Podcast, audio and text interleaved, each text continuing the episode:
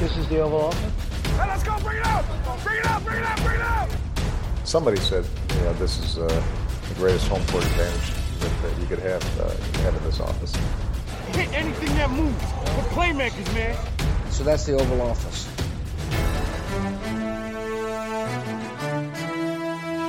Velkommen indenfor i det ovale kontor. Vi er op til her onsdag den 9. december. Klokken den er lidt over 6 om aftenen. Er Mathias Sørensen, og med mig har jeg Thijs Joranger. Hej Thijs. God aften. Og Anders Kaltoft er også med mig. Hej Anders. Hej Mathias. Som I nok kan høre, så sidder vi øh, med et lidt andet setup, end vi har gjort på det seneste ellers. Det er sådan, at Mark desværre er syg, så han er ikke med i dag, og fordi vi har optaget på Marks arbejde, så kunne vi ikke lige få det til at passe sammen i dag, desværre. Så vi går tilbage til det setup, vi havde i foråret, hvor vi kører over Skype. Øhm, så lyden bliver ikke lige så god, som vi gerne vil have den til at være, men vi håber på, at det kun lige er en enkelt uge, at det er tilfældet, og så vender vi tilbage, forhåbentlig snart med god lyd og det, det gamle setup i de kommende programmer. Vi skal i dag snakke om uge 14 i NFL, og vi skal også øh, lige drage nogle konklusioner. Vi er nemlig tre fjerdedel inde i grundspillet, så det er jo vores øh, faste tradition lige at stoppe lidt op og kigge på, hvad har vi set, og det bliver mest vægtet på, hvad vi har set, siden vi sidst gjorde det, det vil sige, øh, siden vi var halvvejs i sæsonen, så det er øh, med ekstra fokus på de sidste fire uger. Og øh, så har vi også lige nogle lytterspørgsmål, og så skal vi selvfølgelig også have sat vores picks, inden vi øh, skal se noget fodbold i weekenden. Når de her, øh, vi har også lige en nyhedsrunde, fordi øh, der er et par nævneværdige ting, vi lige skal have vendt. Jets har fyret defensiv koordinator Greg Williams, og øh, ja, de fleste kan nok regne ud hvorfor. Det går rigtig dårligt for Jets, og det gjorde det også i søndags, hvor de tabte til Oakland Raiders på kampens sidste spil. Øh, et spil, hvor Greg Williams lavede et meget tvivlsomt kald. Øh, Anders, det er vel på ingen måde overraskende, at, øh, at de fyrer Greg Williams. N- nej, altså i og for sig er jeg lidt mere overrasket over, det, at det alligevel sker nu, men er så alligevel ikke overrasket. Jeg havde egentlig bare forventet, at Jets ville køre sæsonen ud. Men jeg synes også, altså, det er jo ikke unormalt for Greg Williams at lave de her spilkald i de her situationer. Det ændrer ikke på, at det er ufatteligt dumt, øh, og at de koster en sejr for, for holdet, og det tror jeg gør, at spillerne mister en, altså, der har været forskellige udmeldinger, men jeg kunne godt forestille mig, at, at der var nogle spillere, der følte, at han lidt skid på dem i den situation ved at kalde et, øh, et spil, som satte dem i en position, der var meget, meget ufavorabel. Ja. Marcus May, safetyen, var også ude og, og sagde, at vi skulle nok have kaldt det et andet spil. Ja, det er jo lige det. Men, men fyring af Williams her er vel, det er vel bare en forløber for, at Gaze også ryger øh, efter sæsonen. Det, det går jeg stærkt ud fra. Jeg, jeg har, jeg, altså jeg, hvis de beholder ham, så er der jo, altså, så er 2020 virkelig fuldendt øh, i forhold til at være weird as fuck. Ja. For det, det, det giver, altså, Adam Gaze han får lov til, tror jeg, at køre sæsonen ud, og så håber de på, at de ikke vinder for mange kampe, øh, ledelsen. Og det ja. tror jeg egentlig, de fortsætter med at gøre. Jamen, så lad os gå til det næste punkt på dagsordenen, fordi der er nu er der kommet et, øh, der var et defensivt koordinatorskifte i Jets, og der er kommet et quarterback-skifte i Philadelphia Eagles. Vi så det allerede i søndags, hvor Carson Wentz han blev bænket til fordel for Jalen Hurts, draftvalget fra i år. Og øh, det er altså også Jalen Hurts, de starter med i denne kommende weekend. Øh, Philadelphia Eagles, øh, Wentz, der fik en kæmpe kontrakt for nylig, øh, eller forlængelse, var det, var det sidste år, øh, Thijs, og, og, og var jo udsat til at være en stor øh, redningsmand for det her øh, hold, eller jeg ved ikke, om en redningsmand, men i hvert fald øh, stjernequarterbacken. Nu bliver han bænket efter den her rædelige sæson, han har været i gang i. Altså, hvor efterlader det Wins og Doug Peterson, headcoachen, som jo er en, en øh, som er ham, der har styr på angrebet og, og kalder spillene og, og så videre. Altså, det, det, er jo, det er jo noget af et slag for, for Wins. Jamen, det er jo en katastrofe, øh, både for Wentz og for Eagles, men altså, det har jo været undervejs i noget tid, kan man sige. Som du siger, han har spillet dårligt fra uge 1 af. Øh, der er tydeligvis et eller andet, der overhovedet ikke har fungeret, og for ham og for angrebet, og for Doug Peterson og for nærmest alle involverede i Eagles, altså det har været en, altså, en sæson, der har været værre end worst case nærmest. Altså hvis vi går tilbage i første sæson og snakker om, hvad der var worst case for Eagles, så tror jeg ikke, vi kunne forestille os, at det havde været det her. Altså, øhm, så for Wentz efterlader det ham nok et sted. Altså nu har han jo den her kontrakt, som du også nævner. Og det kan Eagles ikke komme ud af næste år. Det er der ikke nogen chance for. Det må de bare æde og sige, at han er også på holdet næste år. Mm. Jeg kan heller ikke forestille mig, nogen der kommer og trader sig til ham. Det kan jeg simpelthen ikke forestille mig. Jeg, jeg kan simpelthen ikke se, at der er nogen, der gider at betale noget for Wentz. Øh, med hans kontrakt og med hans spil taget betragtning her i 2019. Og også når man ser på 2018, hvor han heller ikke var fantastisk, men, men trods alt selvfølgelig ikke på 19 niveau, undskyld, i 2019, trods alt ikke på 20 niveau, mm. øh, som i år. Øh, så ja, altså han er også hos Eagles næste år, og som jeg ser det, så kommer Eagles til at have en quarterback-kamp kørende næste sommer, formentlig mellem Jalen Hurts og Carson Wentz. Og så må Eagles bare håbe på, at, at Wentz han kan genfinde noget i sæsonen. Øh, jeg ved ikke, om han har en småskade, eller om hans teknik bare er faldet fra hinanden, eller om det er bare selvtilliden, han har brug for at få noget luftforandring. Og ja. den luftforandring kunne jo så komme, hvis de vælger at fyre træneren øh, og, og prøve at, at give et nyt angreb. Fordi jeg tror overhovedet ikke, Doug Peterson er sikker på noget som helst der. Øh, det kan godt være, at han vandt Super Bowl med dem for, hvad bliver det, tre sæsoner siden nu, ikke? Ja. Øh, jeg tror overhovedet ikke, han er sikker. Fordi, og, heller ikke general manager Howie Roseman for den sags skyld. Fordi det er jo, det er jo, det er jo, det er jo, det, de er jo gået galt i byen hele vejen ned igennem. De har ikke været skarpe på draften. De har øh, givet nogle dårlige kontrakter. Et angreb, der er aldrende på receiver-positionen, har efterladt wins med Greg Ward og øh, John Hightower og Jalen Rager som, og Travis Fulgham som receiver. Øh, uanset om at der er nogle af de spillere, der måske har noget talent, så det er jo bare ikke en, en god gruppe. Og mm så er der Wentz, så er der Peterson. Altså Doug Petersons angreb har ikke set nær så godt ud siden Super Bowl, hvor han mistede Frank Reich og Doug, øh, hvad hedder han, John DeFilippo.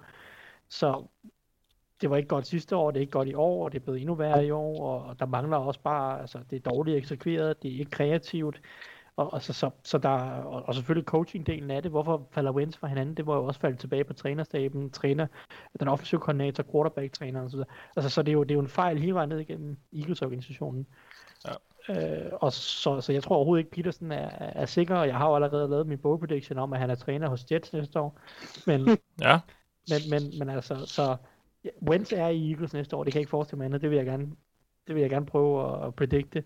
Men øh, han er jo selvfølgelig overhovedet ikke sikker på sit job, fordi han har været så umanerlig ringe i år. Og, og, og nu får Jalen Hurts nok resten af sæsonen. Der er fire kampe tilbage, og Eagles ser efterhånden ud til at være ude af slutspillet. Øh, fordi at, at, at Washington og Giants øh, har, har, har vundet nogle kampe. Ja. Så, ja. så det, altså. det bliver spændende at se, og håbet er jo nok også, at, at den her pause, uanset hvor lang den så er, kan gøre noget godt for Wentz, og han lige kan, kan komme tilbage i, til den form, vi har set ham i, selvom det godt nok har været lidt, lidt i momenter, og også efterhånden for noget tid siden. Um, så spændende at se, hvad der skal ske i Philadelphia, det, hvor det jo så så godt ud for bare ja, et par år siden, eller sidste år, hvor tror jeg, vi, vi, vi kåret dem som, øh, som værende dem, der havde det, det bedste roster. Så um, det er, um, det, der er, det er lidt uh, usikre tider i Philadelphia. Lad os gå til det næste punkt på dagsordenen. Det er jo de her tre kvarte konklusioner, vi, øh, vi skal drage, og øhm, det første, jeg har bedt jer om at komme med, det er et take eller en konklusion på det, vi har set, især øh, i den sidste fjerdedel af sæsonen. Anders, vil du ikke øh, fortælle os lidt? Jo, jeg er blevet øh, slemt glad for, øh, eller øh, positivt overrasket over Giants defensiv koordinator Patrick Graham. Øhm, og jeg tror egentlig ikke, at jeg var alene om at se Giants udsigter som rimelig tvivlsomme på forsvaret i år. Øhm, de var et af ligaens dårligste sidste år. De var de 28. mest effektive, og de er, altså, de var bemandet af no-names. Deres secondary var hullet som en si, men de har lavet en ordentlig ommøblering. Øh, det er kun Jabril Peppers og Julian Love, der er tilbage fra 2019. Og Love har de flyttet lidt rundt på. Han spiller ret ofte safety nu, hvor han øh, primært spillede cornerback sidste år. Og ind har de så hentet James Bradbury, øh, Logan Ryan og så rookie Darnell Holmes i den secondary, og den kombination har Graham bare fået til at virke. Øhm, ja, lige nu er de øh, øh projekteret til at opgive næsten 100 point færre end sidste år, men øh, det er ikke styrkelsen af spillertruppen, jeg ser som en primær årsag til, at det fungerer for Giants forsvar i år. Det er øh, Grahams største styrke er simpelthen hans, hans evne til at skime afhængig af modstanderen, og så sætte sine spillere i en position, hvor de får mest muligt ud af deres evner. Vi, har, vi ser en spiller som Leonard Williams, der er gået fra at være et bust, hvor vi nærmest alle sammen gjorde grin med David Gettleman for at franchise take ham. Jeg, jeg gjorde i hvert fald, det øh, så min fejl. Øh, men han har virkelig vist, at, at, at jeg tog fejl. Øh, han har været fremragende, Leonard Williams, mm. og han, han havde en brandkamp mod Seattle her i weekenden. Og Giants, de har nu vundet de sidste fire kampe, og selv om tre af dem var mod football team Eagles og et Burrow-løst Bengals hold, så synes jeg, at det virker til, at udviklingen går i den rigtige retning. Og, og særligt mod Seattle var det imponerende, hvordan de pressede Wilson forvirret og frustrerede ham. Øh, jeg, jeg mindes faktisk ikke at have set Wilson med så irriteret et ansigtsudtryk i rigtig lang tid. Og så og han blev jagtet. Ja, det gjorde han, og, og han var frustreret. Jeg tror også, han, man så ham råbe af sin offensive linje, og det, det er ikke noget, man sådan... Det, det er ikke noget, man ser ofte fra ham. Mm. Øh, og det Giants blandt andet gjorde, det var, at de lukkede rigtig godt ned for de dybe skud øh, mod Seahawks. Øh, og det er bare... Altså, det er fremragende arbejde af Graham, øh, der har sat sig selv, synes jeg, i en stilling som en, en god øh, kandidat til en, en head coach position næste år. Ja. Øh, og kampen mod Seahawks synes jeg også er et eksempel på, hvordan han tilpasser sin, øh, sit scheme til modstanderen, fordi Giants har ikke spillet særlig meget øh, too high øh, øh, coverage, og det, det gjorde de mod Seahawks, fordi Seahawks har problemer, når, når øh, forsvarshold, det kommer også ind på senere, når forsvarshold øh, ligger, eller forsvaret på modstanderen prøver at tage det, det dybe skud væk, fordi det vil Wilson enormt gerne ramme. Mm, ja. og, og, og det synes jeg bare var, var altså, godt set, ja, det, det er ret tydeligt for de fleste, men jeg synes også, det var godt udført.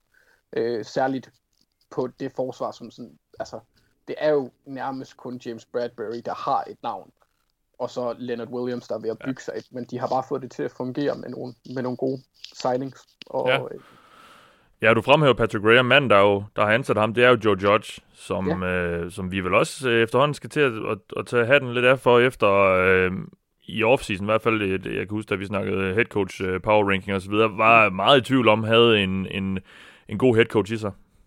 Ja, og det, nu, øh, vi kommer også senere ind på, hvem der har overrasket, der har jeg været, jeg har været lidt kedelig, der har jeg også valgt Giants, øh, og der vil jeg også komme ind på Joe Judge, men jeg kan lige så godt øh, ja, okay. tage det nu, fordi jeg synes det, jeg synes, det er et godt altså ligesom vi også snakkede om i offseason, fordi han var et ubeskrevet blad, så vi vidste ikke rigtig, hvad vi skulle synes om ham. Og det eneste, vi sådan set havde at gå ud fra, var tidligere special teams koordinator øh, John Harbaugh, øh, der blev øh, head coach hos Ravens, har gjort det fremragende. Og det synes jeg egentlig, at det ligner til, at Joe Judge han går i den samme retning. Øhm, hvor han har nogle, nogle evner til at kan sige, manage ledeholdet mere overordnet og, og tage ja. nogle beslutninger, når der er et problem. Øh, det vil jeg også komme ind på senere, øh, ja. og det, det, det synes jeg bare, det ser, positivt, det ser positivt ud for Giants på det punkt. Ja. Thaj, så lad os høre, hvad du øh, har taget med dig fra de seneste fire uger. Jamen, jeg synes, de sidste fire uger er det blevet endnu mere tydeligt, at Tennessee Titans nok er det hold, der har den største varians øh, set på niveau i hele ligaen. Det er jo simpelthen et hold, der kan komme ud og spille noget helt fantastisk fodbold på meget, meget højt niveau. Også på et niveau, hvor jeg tænker, okay, det her det er det hold, som hvis de rammer topniveauet, så har de bedst chance for at slå Chiefs i AFC. Og det, og det har vi så set blandt andet i, i kampen mod Colts, hvor de kom ud og smadrede dem. Vi har også set øh, tidligere i år, øh, måske, hvor de, hvor de jo slår Bills, på trods af, at de, der var de har lige været i coronakarantæne, skulle jeg til at sige, i to uger. Altså, vi har set dem ramme et sindssygt højt niveau i nogle kampe. Og så ser vi jo også bare bunden falde ud i andre kampe. Altså senest her i weekenden mod Browns. Det kan godt være, at den ender med, at de kun taber med 6 point. Men de fik jo så ekstremt mange tæv i, de, i første halvleg, at altså, det var næsten ikke til at fatte. Og, og vi har også set det tidligere i år, så tager man til Bengals. Altså overbevisning, de var jo ikke i nærheden af at slå Bengals. Og med al respekt for din øh, strivede tiger der, Mathias, ja, ja. så er det jo ja, ikke et powerhouse, vel? Nej. Øh, så, så, altså, så Titans er jo simpelthen et hold, som... Det er jo ikke fordi, de er ustabile som sådan, fordi øh, der er jo mere godt, end der er dårligt. Men altså, forskellen på det, altså på top og bunden, jeg kan simpelthen ikke finde et hold i NFL lige nu, hvor jeg synes, den er større. Og det er jo øh, utroligt skræmmende, både for Titans måske, at, at de kan gå ud i en kamp og bare altså, nærmest tabe til hvem som helst. Men også skræmmende for resten af ligaen og resten af AFC, fordi lige nu der ser det trods alt stadigvæk ud til, at Titans sniger sig med i slutspillet, og de kan jo bare komme ud og levere sådan en brandkamp, hvor at, jeg ved godt, forsvaret ikke er så godt i år, men på angrebet har de jo nogle playmakers, der nærmest bare kan overtage kampen, både Derrick Henry og AJ Brown i en forstand af Ryan Tannehill, som kan bare gå ud og overtage kampen og bare dominere et forsvar. Og så kan de også bare have kampe, hvor de nærmest ikke kan noget som helst, og hvor forsvaret bliver den afgørende faktor, og så bliver de bare savet midt over. Altså mm. det er... Jeg kan simpelthen ikke det være, være altså fordi for, for to uger siden havde jeg lyst til at tage med, at tage et take med om, at, om at Titans var, var det hold, der havde den bedste chance for at slå Chiefs i AFC. på grund af den måde, de spiller fodbold på. Og netop på grund af, altså, at, at de kan steamrolle hold på en eller anden måde med, med, med deres stil, at det virkelig det er sådan en rigtig snowball-style af fodbold, de spiller på en eller anden måde. Hvis I, altså sådan, når først snibbolden begynder at rulle ned ad bjerget, så bliver den bare større og større, og de bliver stærkere Eller og Derrick. Henry, ja. Ja, ja, altså med Derrick Henry og også AJ Ja. ja. Brown i en anden forstand. Ja. Ja. Og det her play action, og de kan få lov til at, at køre øh, altså det her netop play action og de dybe skud og alt sådan noget. Corey Davis, der spiller sin bedste sæson i karrieren og alt det her, ikke? Men, men, men omvendt, så er det også bare, altså, de kan også bare falde fladt på maven, altså bare Mm. mm. sidde for at rutsche ned ad, banen, øh, ned ad bjerget på maven, ikke? Øh, så altså... Jeg- og jeg det, ved det så vi også lidt sidste år, og, men der, der fik de jo så sat lidt en, en steam sammen til sidst. Ja, det gjorde de i slutspillet, og, og, det kan de jo gøre igen i år, øh, sagtens. Og i år har de måske øh, øh, et endnu bedre angreb potentielt, øh, fordi øh, vi så også nogle mangler i, hos Tannehill sidste år i slutspillet. Jeg ved ikke, jeg synes, det virker lidt skarpere i år, mm. og, og der er lidt flere våben på receiver-positionen, fordi både Corey Davis og John Smith er mere involveret i år. Men nu ved jeg godt, John Smith han var, han var ude i weekenden, men, men, men Til gengæld er linjen måske dårligere. Ja, det er den. Den er, den er, den er øh, en, en del dårligere, specielt efter Levans skade, og forsvaret er selvfølgelig også dårligere, og det Mm. også ikke mindst et forsvar, som ikke har DNP's, som, som er, en rigtig dygtig koordinator, i spe- specielt sådan nogle enkelt, enkeltkamps scenarier, altså han kan, komme, han kan komme med nogle meget unikke gameplans, det har han altid kunnet, helt tilbage fra sin Baltimore-tid, så der, der mangler Rabel og company måske lidt øh, den evne til at, at, at lave nogle smarte gameplans, der overrasker på dagen i sådan nogle enkelte kampscenarier, men altså, jeg, jeg, ved ikke, hvad jeg skal forvente af Titans resten af sæsonen. Andet, jeg tror, de kommer i slutspillet. De har et rimelig overkommeligt program, blandt andet Jacksonville i den her uge. Ja. Men, men altså, jeg ved ikke, hvad jeg skal forvente af dem i slutspillet. De kan gå ud, og så kan de bare få, få lammetæv og 6. seed, hvis de nu bliver 3. seed for eksempel. Øh, og så kan de gå ud, og så, som jeg siger, altså, jeg udelukker ikke, at Titans de kan slå Chiefs i slutspillet. Nej, okay. Jamen, øh, spændende. Og apropos Chiefs, øh, så kan jeg jo lige nævne, at øh, Mark, han, øh, han havde tænkt sig at snakke om, om Patrick Mahomes. Øh, nu er han jeg, har jo desværre ikke med til at kunne gøre det, men, øh, men han, havde, øh, han havde skrevet i vores øh, noter, hvor vi lige øh, gør hinanden opmærksom på, hvad vi gerne vil, vil snakke om. Øh, der har han bare skrevet ingen over Mahomes. Og øh, det taler jo sit eget sprog, fordi øh, Mahomes, han, øh, ja, og det har han sådan set været hele sæsonen, han, han, han, det er som om, han bare bliver bedre og bedre, som sæsonen øh, skrider frem, og, og Chiefs, selvom der også har været nogle, nogle lidt shaky kampehister her, så, så øh, ligner det også efterhånden et øh, man skal slå i år, øh, Anders. Og, og Mahomes har vel også taget teten i MVP-kampen, eller hvad? Ja, det synes jeg. Jeg synes, det er et, øh, et, et tæt race mellem ham og en anden. Øh, men han, har, han er i førersædet lige nu, og det, altså, jeg, jeg der har svært ved at se. Det, har, det havde vi, det snakkede vi også om i år, jeg har svært ved at se et hold, der slår Chiefs, medmindre de har en forfærdelig dag, fordi de har Ja. så mange våben at spille på en træner, der er så in tuned med hans, øh, hans quarterback, og en quarterback, der bare altså, spiller på et niveau, der er sjældent er set, der Mm. mm. kan lave alle spil, der kan løbe. med- Han, altså, han er en moderne øh, Aaron Rodgers, om man vil, hvis man kan tillade sig at sige det. Ja, okay. Da Aaron Rodgers var på sit højeste. Mm. Øh, han har bare Som han så ikke er så langt fra i år. Ja, lige præcis. Men han, han, Mahomes har bare potentialet til at blive lige en tand bedre. Øh, også fordi, at trænerstaten og træner, eller opsætningen omkring på trænersiden er bedre. Der er ingen grund til at være konservativ her, Anders. Mahomes, han er et par sæsoner på det her niveau for at være den bedste quarterback nogensinde i NFL-historien.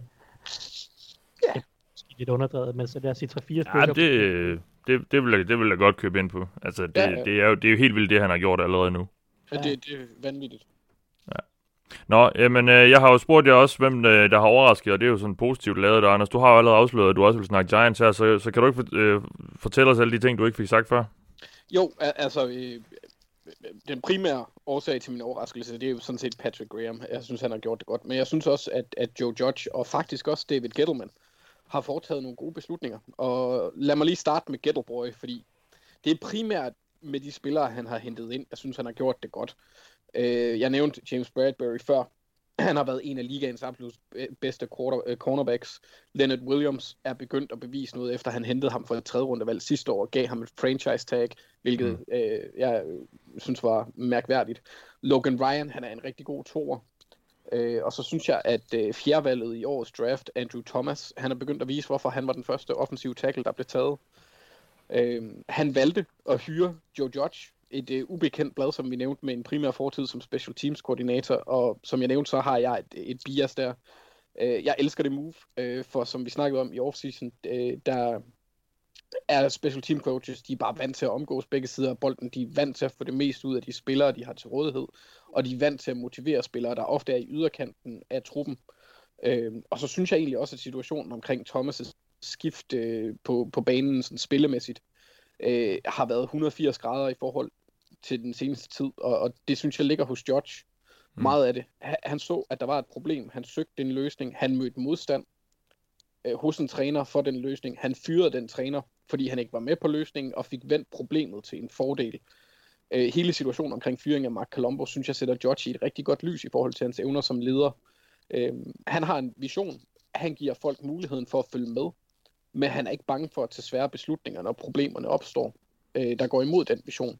Så jeg synes bare generelt, at, at Giants fremtid på trænersiden, det ser rigtig, rigtig god ud. Øh, særligt hvis de kan beholde Graham lidt endnu. Øh, nu mangler George så bare lige én ting, og det er at få fikset angrebet. Og gør han det, så har de fundet sig en stjerne. Ja, okay. Jamen, øh, det er spændende at se, hvad, hvad Giants skal blive til. De, de er jo godt på vej mod slutspillet, og, så, og der kan alt jo ske. Øh, fristes man nærmest til at sige, at jeg tror nu ikke, vi skal regne ret meget med dem, men, øh, men det, det, det ser lovende ud, det der, det der kommer fra den del af New York i hvert fald. Ja, de, de er stadigvæk hæmmet af, at quarterback-positionen er så usikker for dem. Ja. Øh, så, så altså, hvis de kan få styr på den og få en... Jeg har heller ikke super meget tiltro til Jason Garrett. så så altså, det er de to punkter, jeg vil, jeg vil fokusere på, hvis jeg var ja. dem. Ja. Og Thijs, så skal vi høre, hvem, øh, hvem der har overrasket dig. Og nu snakker du tidligere om, om Titans som et hold, der har, øh, der har svinget meget i, øh, i, i niveau. Og det synes jeg også, det her hold har. Øh, du vil snakke lidt om Patriots, kan jeg forstå. Ja, altså Patriots havde en downperiode efter, at ja. de også var ramt af noget corona øh, i nogle uger, og var uden Cam Newton i en kamp osv. Øh, men jeg synes jo bare, at Patriots på mange måder gør det langt bedre, end de burde. Altså det her, det er et, en utrolig talentfattig trup, synes jeg. De har et, altså de kan jo, altså de har ingen receiver overhovedet. Kan, altså hvis Patriots kan komme igennem en kamp uden at kaste bolden, så er de rigtig godt tilfredse. Fordi Cam Newton ser også ganske begrænset ud som passer. Det ser rimelig besværet ud, når han prøver at kaste den. Præcisionen er dårlig. Kastebevægelsen ser lidt tung ud efterhånden. Og de har absolut ingen våben at kaste til. Altså, det er jo, det er jo et angreb, der ikke burde virke i NFL. Og forsvarsmæssigt kan man sige, der er intet med den her defensive linje og pass rush gruppe, linebacker gruppe, som burde indikere, at det her øh, forsvar burde være tåleligt at se på.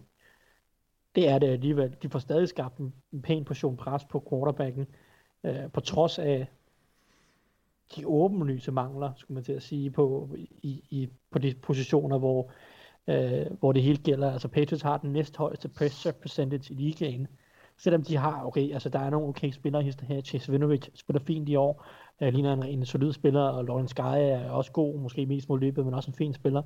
Uh, Adam Butler har også engang en, en okay sæson og sådan noget, men, men det er jo stadig, altså prøv at høre på de navne, og så sammenligne med, altså, med, med nogle af de andre rigtig gode, altså mm. uh, defensive linjer rundt omkring i NFL. Uh, hvis vi snakker nogle andre hold i top 5 i pressure percentage, så har vi Bucks, og vi har Saints, og vi har vi har Steelers, ikke? Altså, det er jo nogle helt andre navne, vi arbejder med i, i forhold til den defensive linje, og det er jo bare, altså, det er jo bare en understregning af, at Bill Belichick er helt vanvittigt genial, genial til at, at få det maksimale ud af sin trup. Altså, ja. de har selvfølgelig et af ligaens bedste løbeangreb, det er jo netop det. Altså, de kan ikke kaste bolden, så hvad gør vi så? Okay, vi har en meget god offensiv linje. Lad os bare være ligaens bedste til at løbe bolden, basically. Og, og det er de så. Er det mål, det, mål på DVOA, eller hvad? Nej, jeg, jeg har ikke DVOA, fordi det er blevet en betalingsside øh, i løbet af den her sæson. Nå, for delen. øh, men men det, det var jo, de var top 5 inden det, og de løber stadig det eneste hold, det, over, det ene hold over efter det andet. Ja. Øh, jeg, kan lige, øh, jeg kan lige kigge på, øh, hvad, hvad de er i EPA per play øh, i forhold til løbet, men øh, jo, der er de ligens bedste, så der kan du se ja, okay. på, på det, ikke? Så altså, det, altså det, det, er jo bare sådan, vi kan ikke kaste bolden, nå jamen, så bliver vi bare ligens bedste til at løbe i stedet for, fordi mm. Bill Belichick, ikke? Og, og, og alle ved jo, at de skal stoppe løbet mod England, og de kan ikke gøre det alligevel, fordi det er så, det er så diverst et løbeangreb, der gør så mange forskellige ting, og bringer mange forskellige øh, aktører i spil, og, og har en god offensiv linje, der selvfølgelig dominerer, og altså, det er bare så godt coach, og det er på trods af en offensiv linje, der har været præget af små skader, og de starter en rookie, og jeg ved ikke hvad, og det er bare sådan, hvordan kan de her hold være 6 for 6 og konkurrencedygtigt? Altså, de har vundet tre af de sidste fire, de har slået Ravens, Cardinals, det er jo ikke nemme hold at slå. De lige smadret Chargers 25-0, eller 45-0, og jeg ved jeg godt, at fordi Chargers de spiller uden special teams, og øh, alt muligt andet gøjl, og Chargers er Chargers, men altså, det er jo, sådan, det er jo stadig resultater, som ikke burde kunne lade sig gøre, når man sidder og kigger ned over den her trup af spillere. Altså, ja, ja, jeg ved ikke, altså, det er jo ikke fordi Patriots mm. er Super Bowl i år, men det er bare så vanvittigt, at, at de konkurrencedygtige stadigvæk, ja. selvom de ikke har noget kastangreb, og de har så mange mangler på alle mulige positioner. Det viser bare, at, at Belichick er, er så god, som vi alle sammen går og siger jo. Altså, det er jo ikke nogen overraskelse, men jeg, jeg havde alligevel ikke troet, at han kunne få det her ud af, mm. det, af den her trup, må indrømme. Nej, ja, men uh, der er en grund til, at vi også havde ham som, som nummer et i vores uh, head coach power ranking. Han er bare, han er bare uh, genial, ja, som også du selv siger. Mark, han ville have snakket uh, Saints, og det kan jeg så godt forstå, fordi jeg har... Uh, jeg har også været overrasket over, hvor, hvor godt de har været kørende, selvom Drew Brees han har været ude. Øh, Thijs, uh, Taysom Hill er kommet ind på quarterback, og det er jo et, et lidt andet angreb, men har, han, har, har Saints også været bedre, end, end du lige forventede med, med ham som quarterback? Øh, det er lidt svært at vurdere, fordi de har mødt sådan noget skrald i de her tre ja, uger. Ja, det er selvfølgelig rigtigt.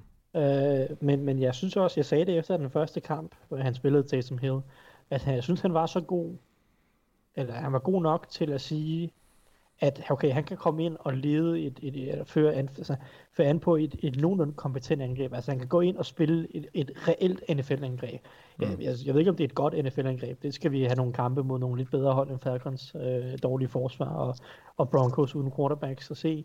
Men, men det, altså, han er kompetent nok til i hvert fald at gå ind, og det er overhovedet, at det ikke falder sammen, og man også kan bygge nogle ting omkring ham, der er spændende. Og det hjælper selvfølgelig meget, at han har Sean Payton, der netop kan udnytte, hans styrker. Men han er god nok til, at det i hvert fald er et kompetent NFL-angreb. Og så er det klart, at deres forsvar har været ligaens bedste, ser man over de sidste fem uger, og det hjælper selvfølgelig rigtig meget på det, øh, at de har fået fikset det efter deres øh, meget rodede start på forsvaret. Så altså, jeg kan godt forstå, at altså, Saints nu, med de sidste, over de sidste to sæsoner, må de være 8-0 med, med deres backup quarterback, og det er ja. uanset af modstand og alt muligt, så er det bare imponerende i NFL. Og de viser jo noget om, hvad, hvad Sean Payton trods alt også kan, udover bare at være en, en lidt uh, funky uh, offensiv play caller, ikke? Ja, og han har jo altid været kædet sammen med, med Drew Brees, fordi de nærmest... Øh, jeg kan ikke huske, om de kom til klubben samtidig, eller om Brees kom året efter. Eller, men øh, det var i hvert fald... Ja, de har, de har været der øh, sammen hele tiden, og, og, og har jo haft gode angreb hele tiden, men man har måske altid gået hen og snakket om, hvem, hvem, hvem var det, der stod for det, og man må bare sige, at Peyton, han, øh, han kan også altså også sætte et, et i hvert fald acceptabelt øh, angreb, der kan vinde kampe på banen, når det ikke er Drew Brees. Øh, vi skal snakke lidt om, hvem der har skuffet os, Anders. Hvilke, ja. øh, hvem, hvem har skuffet dig? Det har øh, Seahawks. Øh, og det, det, det skal jeg måske sige, det er ikke fordi, at jeg synes, de er forfærdelige. Det, det er nærmeste modsatte, der gør, at jeg er blevet skuffet, fordi de har potentialet til at være meget mere end det, de er. Mm. Øhm, siden uge 10, der er Seahawks 2 og 2, hvilket jo på ingen måde er skidt, og det kan være, at jeg overreagerer en smule, men sidst vi havde en konklusionsudgave, der var Russell Wilson, han var vores MVP. Øh, det er der ingen chancer for, at det sker lige nu. Øh, inden uge 10, der havde Wilson kastet for over 300 yards i 5 af 8 opgør. Siden da har han krydset 100, 250 yards en gang, øh, og det var i weekenden mod Giants. Så det virker lidt til, at angrebet har problemer, når, når som jeg nævnte tidligere, når Wilson han ikke kan få de dybe kast til at fungere. Så hvis de møder et forsvar, hvor de har en kompetent øh, defensiv koordinator, der faktisk kigger lidt på, hvad det er, Seahawks de gør, og lukker ned for det dybe spil, så har de problemer.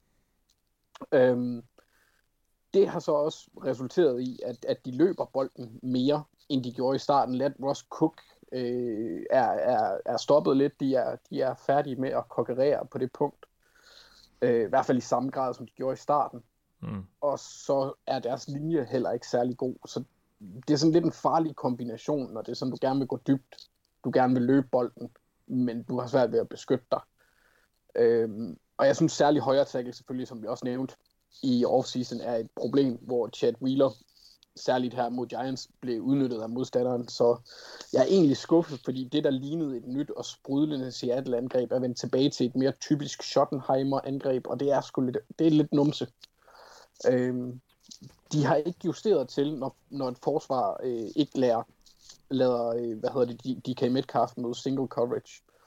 Øhm, når de som sagt møder two deep coverage, så har Seahawks haft problemer med at justere deres gameplan. Seahawks kunne være så meget bedre, hvis deres træner viste en mindre stedig tilgang.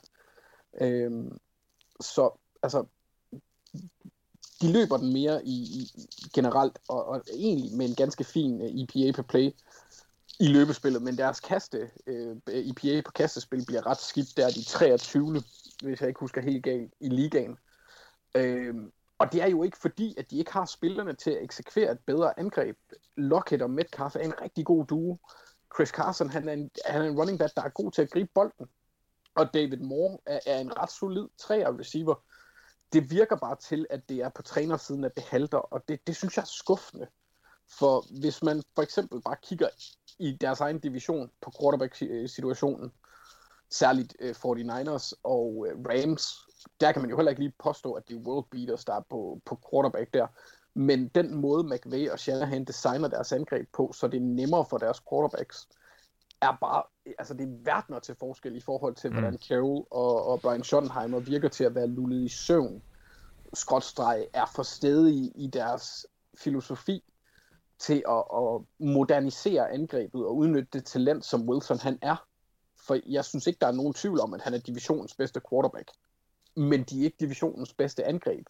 Mm. Og vi kunne også for eksempel, nu har vi jo i nogle år brokket os lidt over Aaron Rodgers, eller ikke brokket os, men han er faldet i, øh, i produktion.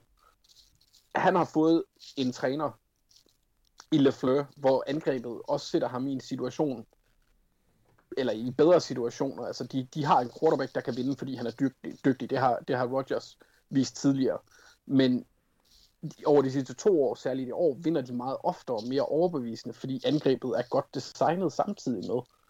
Og, og det synes jeg er synd i Seattle, at de ikke gør det, fordi forsvaret er begyndt at spille en smule bedre.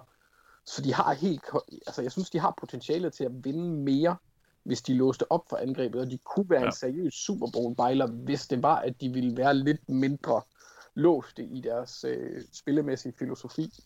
Så det synes jeg er skuffende. Ja, jamen øh, jeg er sådan set enig med dig. Det er jo... Øh det er ikke lige så smooth at se på fra, fra Seattle mere, og de, og de ramte jo så også, måske også lidt bunden i, øh, i søndags med, med nederlaget til Giants på hjemmebane der. Um, Thijs, der er flere skuffelser i uh, NFC West? Ja, jamen altså hele divisionen har jo lidt tabt pusten i løbet af sæsonen i forhold til de første fire uger, hvor at, hvad, hvad, var der et nederlag på tværs af de fire hold nærmest, to, to, fire, to nederlag måske. Ej, uh, Cardinals er, er den andet hold, som også skuffer mig. Det er jo så også offensivt, kan man sige, at, at de også er, er gået i stå. Øh, de er jo... Det er, det, det, det, ja, det er jo svært hold ligesom at sige, altså, de har tabt fire af de sidste fem kampe. Lad os starte der øh, i forhold til deres nuværende form, og den eneste, sejr, eneste kamp, de har vundet, det er på det der vanvittige Hail Mary-spil. Så, så, så vi arbejder med et hold, der virkelig ikke er godt kørende lige nu.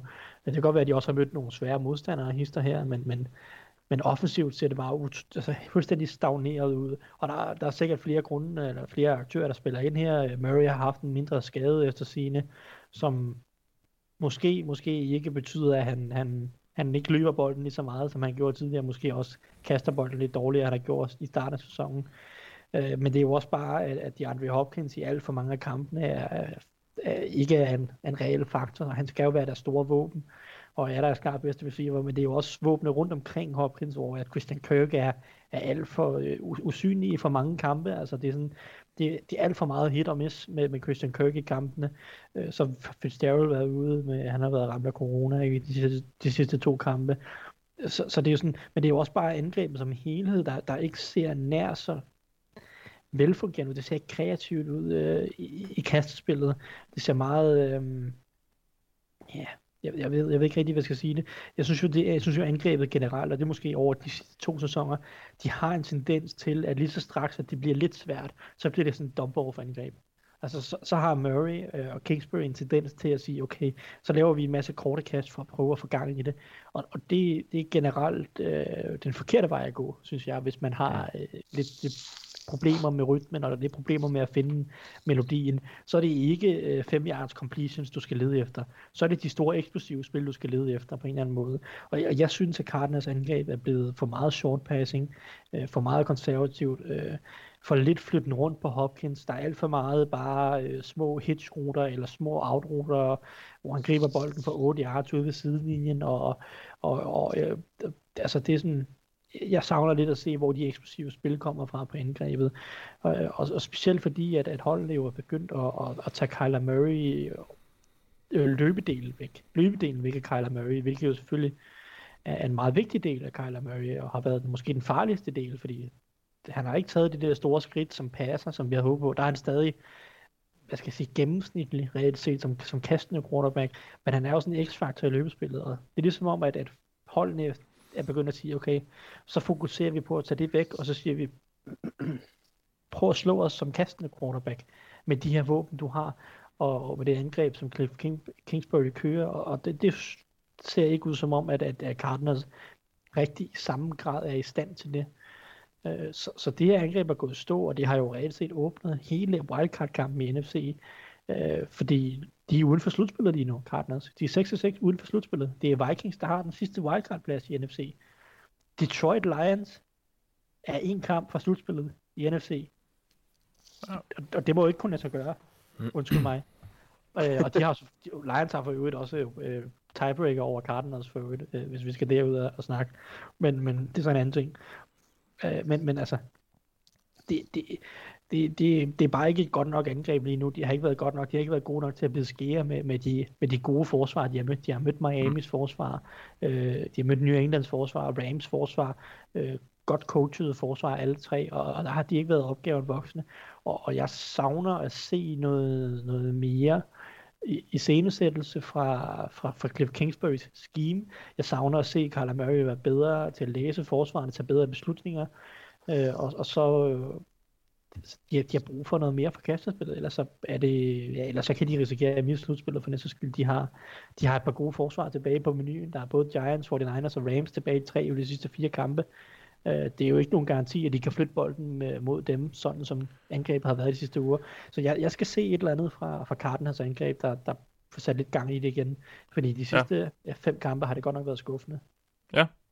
Mark han havde øh, taget Raiders med i den her kategori, og det er jo sådan set fair nok, når man skal frem til kampens absolut sidste spil. Nej, det kan godt være, der det var et efter, men, men i hvert fald et af de sidste spil øh, for at vinde over Jets på et, øh, på et mirakuløst touchdown, øh, Anders. Øh, det har jo heller ikke, det er også meget op og ned med Raiders. Vi ser dem, de har bidt skære med, med Chiefs øh, to gange i, år, og også slået dem. Øh, hvor, hvor har du Raiders i, øh, i AFC-rangeringen? I bunden af, af, af de potentielle slutspilshold lige nu. Ja.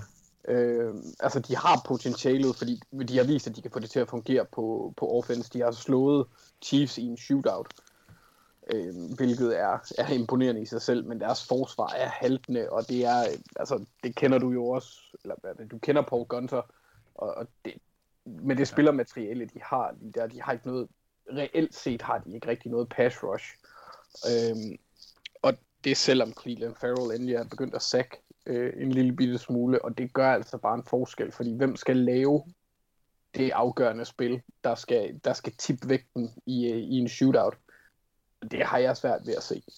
Ja. Øhm, men, men altså, de, de er stadigvæk et hold, det er sådan, jeg ved ikke om, det er en anden form for Titans i forhold til, at ikke at deres spillestil ligner hinanden overhovedet, men hvis de rammer dagen, så kan de slå, altså, så kan de jo slå alle hold i, i, i, i hvert fald i AFC.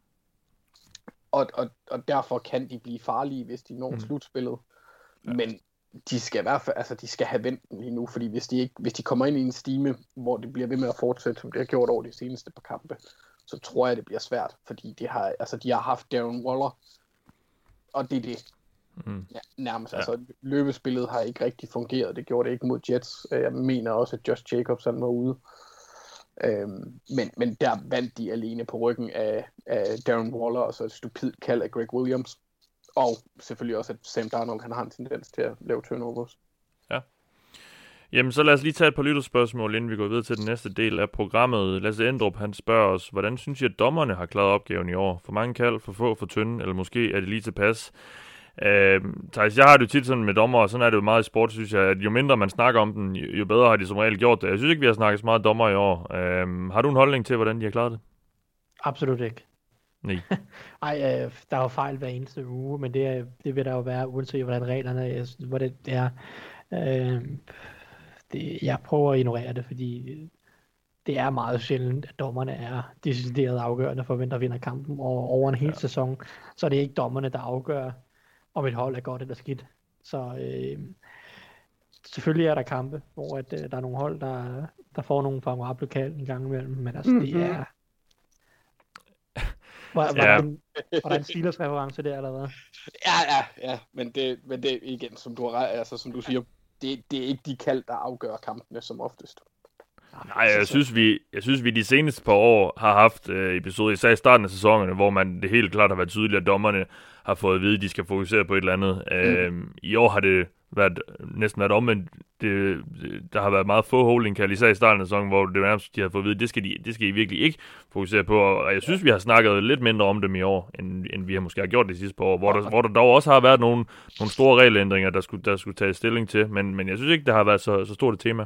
Ja, og jeg er også en fan af, at de ikke har kaldt det så mange holdings, fordi det kan godt være, at det er Ja. endnu en fordel for angrebene og, og bla bla bla og så videre.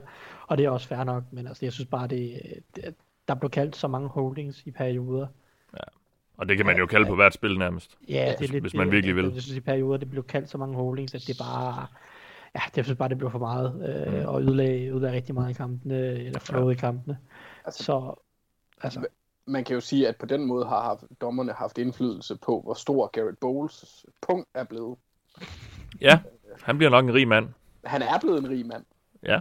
Han har jo fået en ny kontrakt. Nå, det er rigtigt, ja. ja. Så, så altså, det har jo i hvert fald hjulpet ham en smule, og det synes jeg jo kun er, er positivt. Jamen, det kan vi da kun øh, være glade for. Vi går videre til næste spørgsmål. Det er Sebastian Larsen. Øhm, ja, vi har faktisk to Packers-orienterede spørgsmål, og det her det er så det første, fordi han spørger, hvordan kan det være at Lafleur ikke bliver nævnt til Coach of the Year? Han har ændret hele kulturen og gået fra en losing record til 13-3 og nu 9 og 3. Og hvor langt er, og så spørger han så også lidt ind til Rodgers, men vi kan lige tage det med Lafleur. Han bliver ikke nævnt som coach of the year, det ved jeg ikke, om han ikke gør. Altså, jeg synes, der bliver smidt så navn, mange navne på bordet til den, mm. øh, til den pris, som jo også altid er lidt fjollet, fordi det handler meget om historier og narrativ, og hvad der skete i sæsonen, og er det en forholdsvis øh, nyansat head coach og så videre. Øh, Anders, skal han, øh, skal han være en af kandidaterne til den?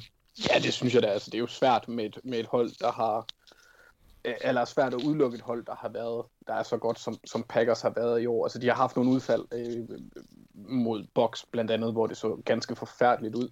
Men ellers så har de været ret overbevisende. Øh, overbevisende overbevisende. De har haft nogle kampe, hvor at de vandt sikkert, men hvor det måske ikke virkede så sikkert, som det burde, blandt andet mod Jacksonville. Øh, men, men altså, jeg synes det er klart fra NFC-halvdelen, at han er en af de øh, primære kandidater, hvis ikke... Altså, ja. jeg vil jo sige, at, at Sean Payton burde være i toppen der, og så, og så Matt LeFleur bagved. Men Mm. nu, nu Ja. er mit syn på, hvem der skal være øh, coach of the year, også mere placeret på, hvem jeg synes, der er bedst. Og det er også derfor, jeg synes, det er absurd, at sådan en som Bill Belichick, han aldrig har vundet den. Øhm, Ja, det giver ingen mening. Nej, det gør det nemlig ikke, men han har så muligheden for at gøre det i år, hvis han når playoff. Så, så Ja, der er den her historie, det er uden Brady og et, et halvdårligt hold og så videre. Lige præcis, og det, Ja. ja. det synes jeg er sådan lidt noget B, fordi det burde være den, der altså, træner det bedste hold. Øh, og så kan vi lige tage hans, den næste del af hans spørgsmål, fordi han spørger, hvor langt Rodgers er for Mahomes i MVP-snakken. Nu, nu lagde jeg jo mærke til, Anders, at, at du sagde, at da jeg spurgte dig tidligere med Mahomes, hvor han lå i, øh, i MVP-favorit, øh, i din, øh, din MVP-odds, og der sagde du, at han lå i toppen sammen med en anden Mahomes, Ja. og jeg, og jeg ved ikke, om det var Rodgers. Det var det. Ja. Men altså, jeg vil stadigvæk sige, at Mahomes han er, han er klart foran, men det er også på et punkt, hvor hvis han har en kamp, hvor han brænder ned, og Rodgers han bliver ved med at spille godt, så, så, kan, det, så kan det godt skifte. Mm. Ja. Vi bliver lige lidt ved Rodgers, øh, fordi øh, Niklas Lisewski, han har spurgt os, øh, når Rodgers spiller noget af sit bedste fodbold nogensinde, har det så egentlig hjulpet ham til at præstere bedre ved at blive presset af Jordan Love, som Packers jo tog i første runde i år, eller var valget fuldstændig håbløst? Øh, man grinte jo af selve valget, men måske ser man Rodgers blive længere end 2022. Thijs, at, øh, altså, jeg, jeg tror jo ikke så meget på måske det her med, at, at altså, Rodgers han er godt nok kendt for at være en, der, der husker ting og, og, og går meget op i, hvordan øh, folk har behandlet ham osv., men, men det kan vel nærmest ikke være valget af hans kommende øh, erstatning, der, der har presset ham til at, at, at, at løfte sig i år, eller hvad? Nej, det tror jeg virkelig ikke. Øhm, det er selvfølgelig klart, det er det nemme narrativ. Det er den nemme historie, den nemme, den gode historie. Øh, men det tror jeg virkelig ikke betyder ret meget, øh, for at være helt ærlig. Mm. Øh, jeg tror meget mere, det handler om, at, at han er komfortabel i angrebet nu, og øh, Lafleur er endnu bedre, endnu mere til stede, eller endnu mere komfortabel med at være head coach. Øh, så det, det tror jeg meget mere på. Øh, ja. Jeg synes jo, det, jeg synes, det var og er, og det var ikke, altså et katastrofalt valg. Og jeg synes kun, det er blevet endnu værre af, at Rodgers mm. spiller godt. Ja. Fordi hvad fanden, hvornår, hvornår fanden skal Jordan Love få lov til at spille? Altså skal de vente på, at Aaron Rodgers han, uh, får en eller anden skade inden for de næste tre år, eller hvad? Fordi Rodgers han ligner jo en mand, der kan, altså når han spiller så godt nu, så ligner han jo en mand, der kan spille fire eller fem år mere, så får de aldrig at se Jordan Love. Mm. Altså, det, uh, altså Packers' draft generelt, altså de er jo, de er jo et super godt hold nu, men det var, det var, det var en katastrofe på alle måder. Altså, de en running Ja, man kan ikke lade være med at tænke, hvor gode kunne de have været, hvis de rent faktisk kunne have, kunne have fået nogle rookies, der kunne, der kunne bidrage med lidt. Ja, altså, og, og, nu snakker jeg ikke wide receiver, fordi det var det nemme narrativ igen ja, øh, i ja. forhold til, altså det behøver vi ikke engang at snakke om, fordi det er ikke angrebet, der er problemet. Prøv at tænke, hvis de kunne have draftet tre forsvarsspillere med de første tre valg, der alle sammen var kommet ind og bidraget. De kunne have taget en linebacker, en cornerback og en, hvad ved jeg, defensiv linjemand, så har de fået hjælp til alle tre niveauer, ikke? Nøj, hvor kunne de have været, altså fordi så kunne forsvaret måske have været gennemsnitligt, hvis de havde fundet nogle gode rookies. Det er jo, øh, det, øh, og så havde de jo været Super Bowl favoritter måske. Lige nu der er det helt store spørgsmålstegn med Packers, man sidder med, det er, øh, kan forsvaret risikere at kollapse fuldstændig, så de bare tager 40-30 i slutspillet? Og, og det sidder man og tænker, det kan sagtens ske. Mm-hmm. Altså, det er jo det, det er jo, altså, Packers' draft med en quarterback, en running back og en fullback i de første tre valg, er jo, altså det er noget af det mest katastrofale, jeg har set længe. Det var det både dengang, og det er det stadigvæk, og det er kun blevet endnu værre, når man ser, hvordan Rodgers spiller, og hvor godt, altså hvor gode Packers er. Altså så, ja, ja. det, og nej, jeg køber ikke narrativet med, at Rodgers spiller godt, fordi de har taget Jordan Love. Jeg tror det bare, som Anders også sagde, at Rodgers er kommet ind nu, har fået en god head coach, blevet komfortabel med det, øh, og så har de, altså, og, og så har han bare løftet niveauet derfra. Mm. Ja. Vi skal sige tak for i år til et par hold, og det er jo øh, en øvelse, vi laver, hvor vi lige, øh, ja, siger tak for i år til de hold, der er elimineret fra slutspillet, ikke længere kan nå i slutspillet. Og øh, det var der yderligere to hold, der i weekenden øh, missede muligheden for. Det ene det er Cincinnati Bengals. Og øh, ja, hvad gik galt? Jamen altså, jeg, det var faktisk lidt underligt, da jeg skulle sidde lige og, og kigge på, øh, tilbage på sæsonen. Øh, så synes jeg egentlig ikke, at jeg sådan kunne komme på nogle spillere eller enheder, som Bengals har sat sin lid til for ligesom at skulle vinde, der sådan har skuffet. Tværtimod, Burrow øh, var, var bedre, end nærmest man kunne have drømt om. Øhm, jeg synes selvfølgelig, den offensive linje, det er klart, de har ikke været gode og sådan noget, men der er ikke sådan nogen, hvor jeg sidder og tænker, okay, det, det lykkedes bare slet ikke. Så det, det falder tilbage på, det er bare, at det her hold er virkelig dårligt coachet fra toppen og på rigtig mange positioner. Øhm, den offensive linje, som sagt, er dårlig, og det er fordi, de har blandt andet en dårlig træner. Det er også fordi, de har nogle rigtig dårlige spillere, men han bliver også ved med at smide, øh, Jim Turner, den offensive linjetræner, bliver ved med at smide spillerne rundt på forskellige positioner. Der er ingen kontinuitet, de kan slet ikke lære hinanden at kende osv. Der har også været nogle skader, det, er det, det, det, det medgiver jeg også osv., men, men det er et stort mismask værmest fra uge til uge.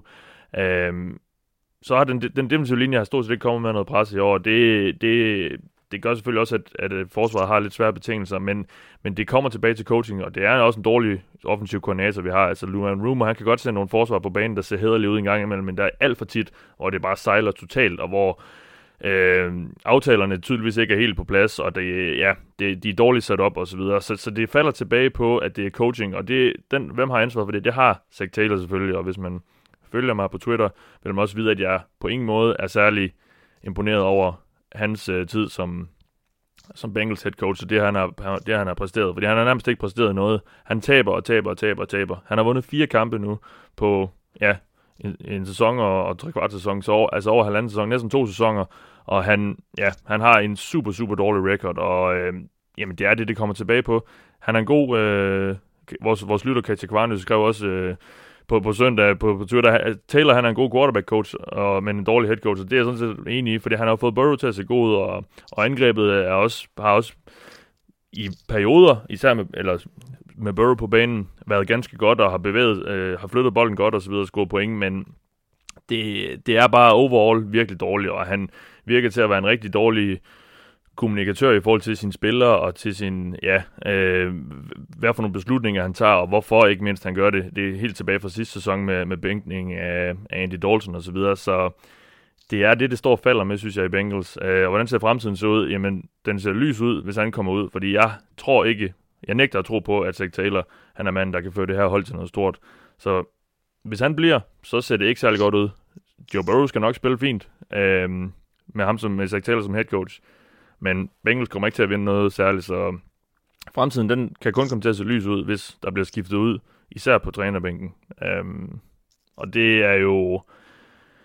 Ja, det er... Øh, man, man bliver lidt modløs, når man følger holdet, fordi jeg er også ret sikker på, at han nok får et hold. Nu, nu begynder de lidt at nedsmelte, og, og ja, vi har også snakket måske lidt om, at, at den her skade til Burrow kunne give Taylor lidt et fripas, fordi det er let af det. Øh, han var jo ligesom, han var jo hjørnestenen på holdet, og nu er han væk, og, og så videre, men det har bare virkelig set virkelig, virkelig skidt ud, siden han forlod holdet, og, og, og det har bare vist os, at Burrow virkelig dækkede over noget, der var, måske var endnu grimmere, end det vi så, før han, øh, før han, øh, før han blev skadet. Så øh, jeg, øh, jeg er lidt fortvivlet, og jeg håber, at de cutter øh, båndene til, øh, til Taylor efter i år, fordi øh, det er det, der skal til, for det her hold det kan komme nogen som helst vegne. Øh, Ja, jeg ved ikke, har I noget tilføje til Bengals?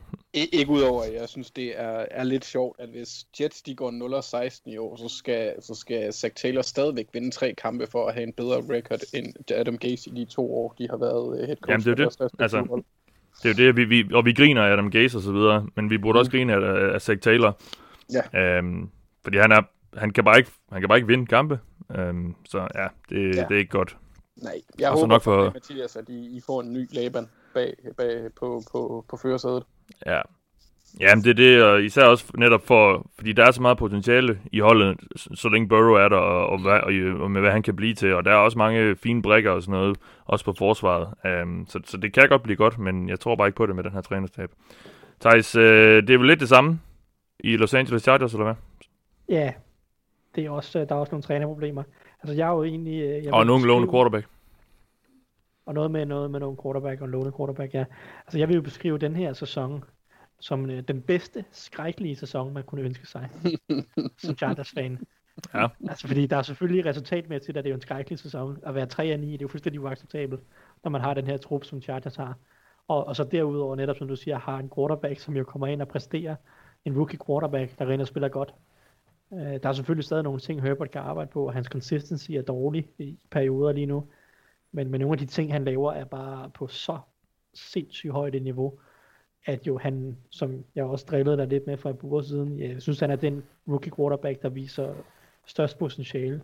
Mm. Øh, der er så ikke nogen garanti for, at han, han finder den consistency som spiller. Det er der mange spillere, der ikke har gjort igennem tiden, øh, til at få løst det der potentiale, men hvis han kan finde ud af at finde den der consistency, både med sin præcision og decision making, altså så, så snakker vi jo på arm, altså på armtalent, og de kast, han laver, og de ting, han viser i lommen, og, og altså, så snakker vi jo top 5 quarterback potentiale.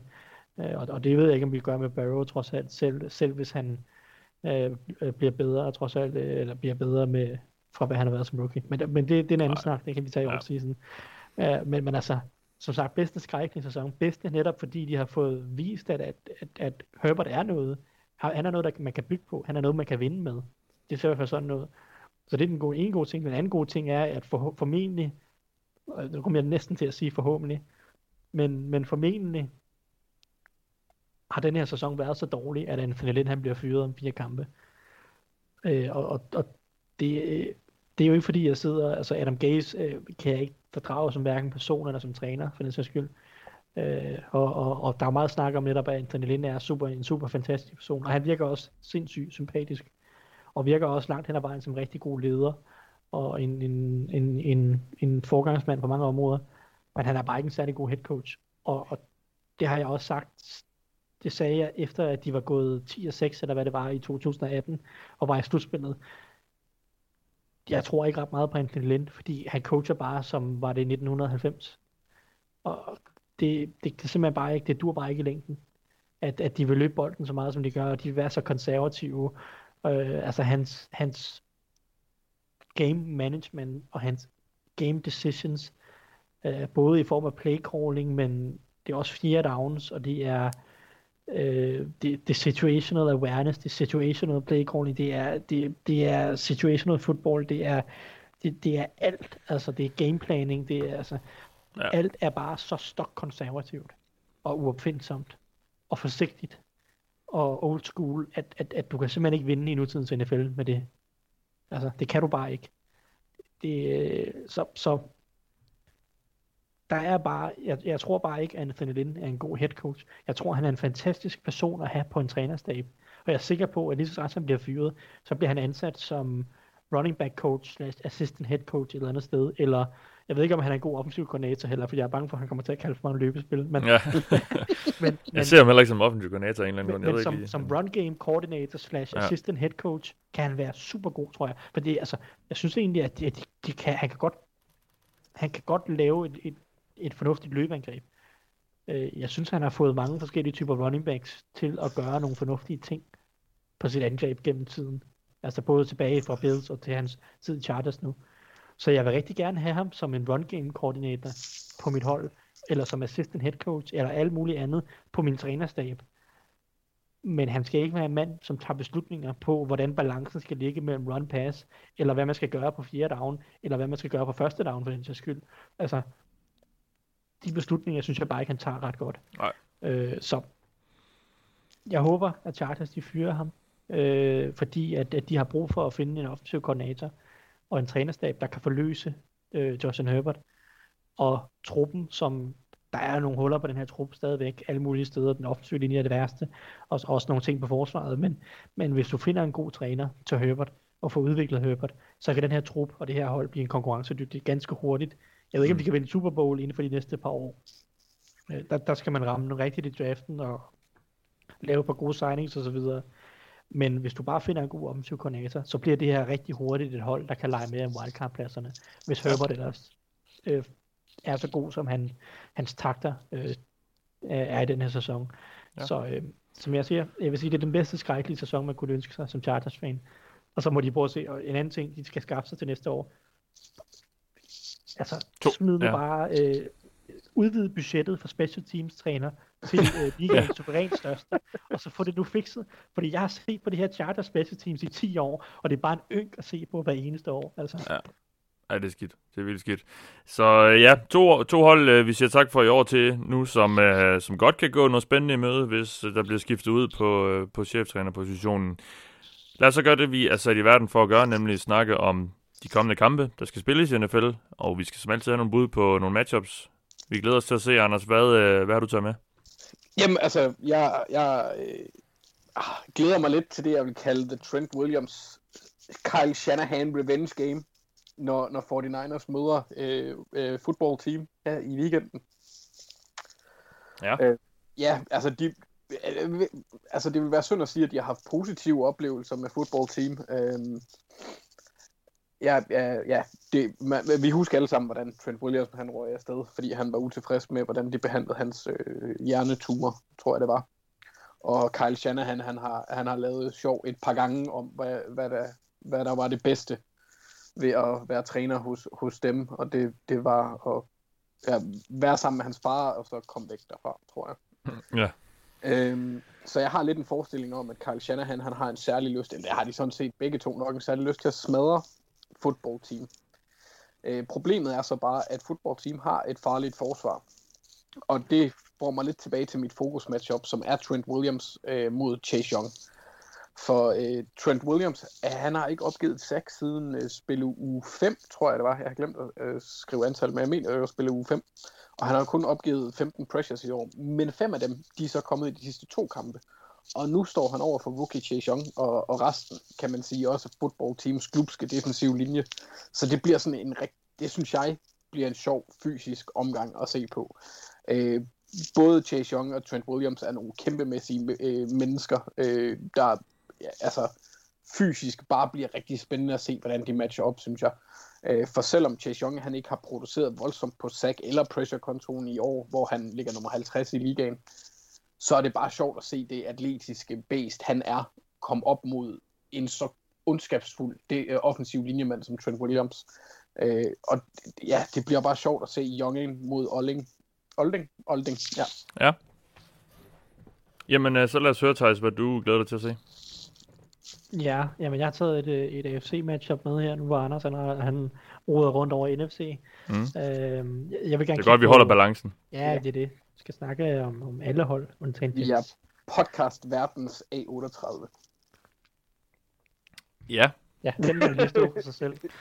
Øh, ikke at der er noget galt med E38, øh, for den sags skyld. Nej. Øh, men men øh, tilbage til AFC, tror jeg. Øhm, med Raiders og Colts, som spiller en interessant opgave den her uge, Og selvfølgelig begge to øh, højst relevante i slutspilsbilledet. Men jeg glæder mig rigtig meget til at se det her Raiders angreb mod Colts forsvar. Øh, nu vil Mark gerne have snakket lidt Raiders, øh, så kan jeg så også få lov til her, fordi det har været et Raiders angreb, der er gået stå. Øh, vi snakkede om, hvor godt det har været. Som du sagde, Mathias, de har spillet op mod Chiefs to gange og scoret en masse point i de kampe. Og det er et angreb, der har i lange perioder har set rigtig godt ud. Var super godt de første mange uger. Øh, masser af våben, Gruden så god ud. Derek Carr havde gang i sin bedste sæson. Den offensive linje var stadig fornuftig. Men, men, men alt det er, at de sidste, har de sidste to uger set meget, meget, meget dårligere ud. Falcons selvfølgelig det, det aller værste. Man tager jeg ved ikke hvor mange, 40, øh, lavede 40 point, gå ind og score 6, eller hvad det var. Øh, fuldstændig håbløs præstation, og så har man lige været tabt i Jets. Øh, her mod Jets, som du sagde, Mathias, det var kun Darren Waller, eller var det andre? Øh, kun Darren Waller mod verden. Der var ikke noget som helst bidrag nærmest for nogen som helst andre. Møder vi Colts forsvar, et godt forsvar, langt hen ad vejen, øh, har vi snakket om med Colts. Colts forsvaret er også et, et, et forsvar, der er interessant mod Raiders, fordi det virkelig vil udfordre Raiders. Colts øh, er det hold, der er tilladet tredje, fjerde, øh, tredje færrest yards mod tight ends i ligaen i den sæson. Og så snakker vi Darren Waller, der var en enmands her i, i den her uge. Kan, kan Raiders få sat Waller i scene, eller bliver de tvunget ud, af, i, ud i at skulle have gang i Rocks, eller Renfro, eller Aguilar, eller hvad, og nu ved jeg godt, Rocks greb den sidste der, øh, og, og det, det, det, hjælper selvfølgelig på det, men, men de har ikke kontinuerligt kunnet finde ud af at bruge de der receiver sådan, øh, på et stabilt niveau, fordi nu snakker vi Colts forsvar, det er også top 5 forsvar, når man ser på færrest yards tilladt til running backs i kastespillet. Og hvis man så kigger på Raiders, vi har snakket om det mange gange, der er ikke noget hold i ligaen, der, der targeter wide receivers mindre ofte, eller altså mindre, altså Færre end gange, Raiders ja. gør. Ja, færre gange, så må det hedde, ja. Færre gange end Raiders, eller sådan den færreste andel, eller den mindste andel af deres kast går til wide receiver i, eller, Mm. ja, I ved, hvad jeg mener, ikke? ja, ja. Sådan Øh, De kaster meget til, til alle andre end wide receiver. Lige præcis. Ja, Ja. det, det, lige præcis. Det, øh, det har været en lang dag i Ja. dag øh, på hjemmekontoret. Nå, øh, men, men altså, så vi har et Raiders hold, der rigtig godt kan lide at kaste tight ends og running backs. Vi har et Colts forsvar, Colts forsvar, der er rigtig dygtige til at stoppe øh, tight ends og running backs. Og, og, og Raiders skal ud og finde noget igen. Hvad det så er, øh, Gruden han, han vil skrue på, fordi Grudens angreb er, er mange ting, og har, han har en kæmpe playbook, og de gør utrolig mange forskellige ting på angrebet, som også sagtens kan i scenesætte wide receiver, og, og det tror jeg simpelthen, de bliver nødt til mod Colts. De bliver nødt til at finde, øh, finde ud af at finde en eller anden måde at, at arbejde lidt mere consistent med, med deres wide receiver. Jeg tror, et eller andet sted i, i mit hoved, så tror jeg, at deres bedste chance, måske i den her uge mod Colts, mere specifikt, øh, tror, jeg, tror jeg, at det vil være en rigtig god idé at prøve at få gang i Hunter Renfro en lille smule mere. Jeg vil prøve at gå lidt væk fra øh, nogle af de tunge formationer, de kører med mange tight ends og fullbacks, og så i stedet for at prøve at arbejde lidt mere med, med Renfro i slotten. Det tror jeg kan give, øh, give nogle muligheder her mod det her Colts zoneforsvar. Men jeg vil gerne have Renfro til at, med, med sin spilintelligens at gå ind og, og, og arbejde lidt på det her zoneforsvar. Øh, mere end, mere end, end Rocks og Aguilar, som er lidt mere dybe trusler, og det er ikke rigtig noget Cole. Altså Cole er også rimelig dygtig til at tage det dybe væk. Så, så jeg tror, de har brug for Renfro i den her uge til, til at gå ind og arbejde lidt mellem zonerne. Øh, Så det, det er især det, der er interessant. Og så vil jeg også sige, så er der også noget med den offensive og den defensive linje. Øh, fordi Raiders har haft lidt problemer på den offensive linje i perioder her på det seneste, efter at Incognito er råd på IR for sæsonen, og de stadig mangler Trent Brown. Øh, Så, så der er et godt matchup lige nu på venstre tackle, hvor Colton Miller spiller. Der er et godt matchup mod Justin Houston. Øh, Og så er der et interessant matchup, som ikke er godt for Raiders, men, men Dennis Good, han skal på en eller anden måde prøve at overleve inde på guard mod DeForest Buckner, og det ved jeg ikke rigtigt, om han har nogen som helst chance for. Øh, Så, altså, jeg synes, det er et godt matchup, fordi de virkelig kommer til at udfordre Raiders øh, i forhold til, hvordan, bliver det, altså, hvordan flytter de angrebet fremad, og er det her et legit angreb? Øh, i, i forhold til slutspilsbilletterne, fordi de skal jo til at sikre snart, at der er sgu kamp om den i AFC, der er en del hold i spil, øh, også bare i forhold til seednings.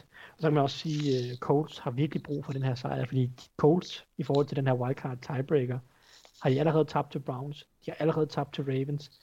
Hvis de taber til Raiders, så, har de, så mangler de tiebreaker mod alle de andre wildcard hold, mere eller mindre. Øh, så, så, så Colts har i min optik virkelig brug for at vinde den her kamp øh, i, i det her wildcard race. Why? Why? Why? Why? Why? Why? Tell me why ain't nothing but a. Tell me why ain't nothing but Ja, Anders. Lytterne har lige hørt uh, Backstreet Boys-udgaven. Det gjorde, fik du desværre ikke lov til, fordi vi sidder ikke med det nye smarte udstyr, men uh, Du er bare en numse, Mathias. med, med, lidt- med lidt magi, så, uh, så, så har lytterne fået fornøjelsen. Vi skal starte med, uh, det bliver kun to kampe, vi tager den her gang, fordi Mark ikke er med, og uh, så vi tog dem.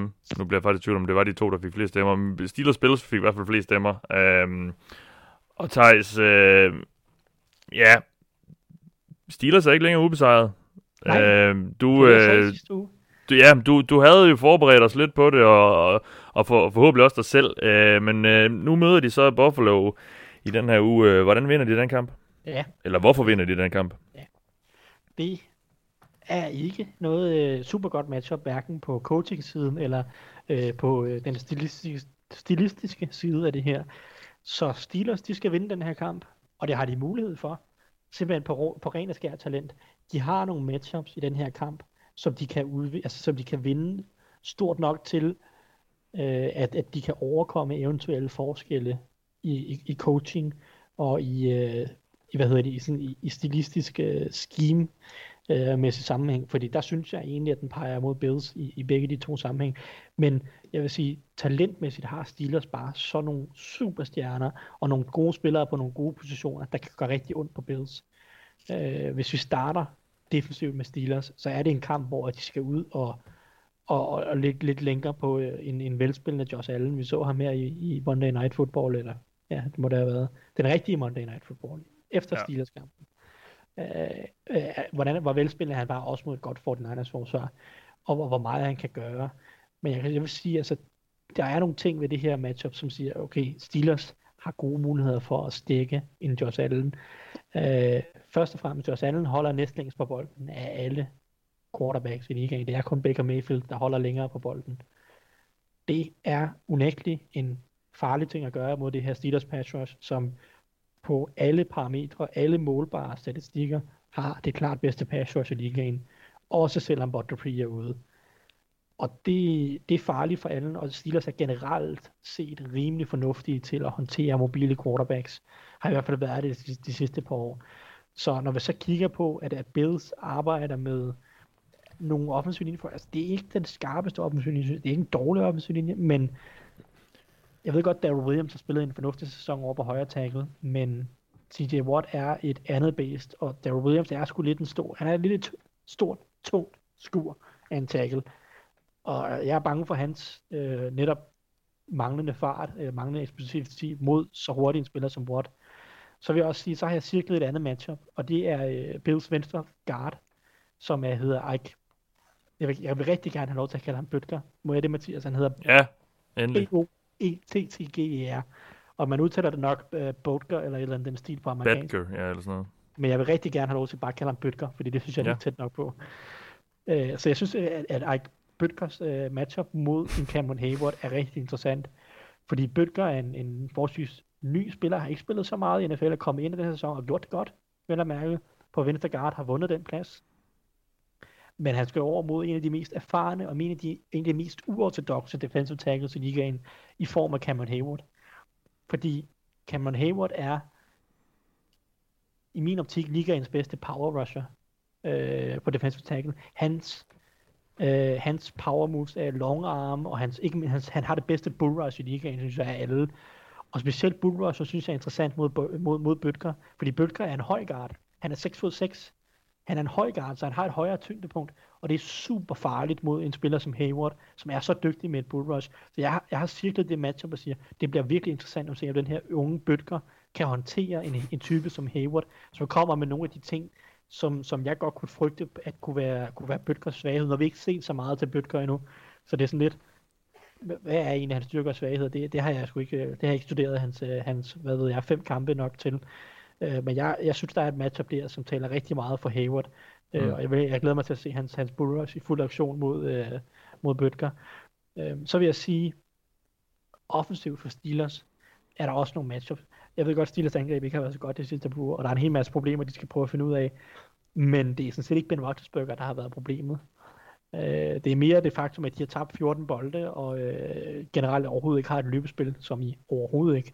Øh, at, at, som gør, at alt for meget afhænger af, af Big Ben. Så der er også nogle skimæssige ting og så videre.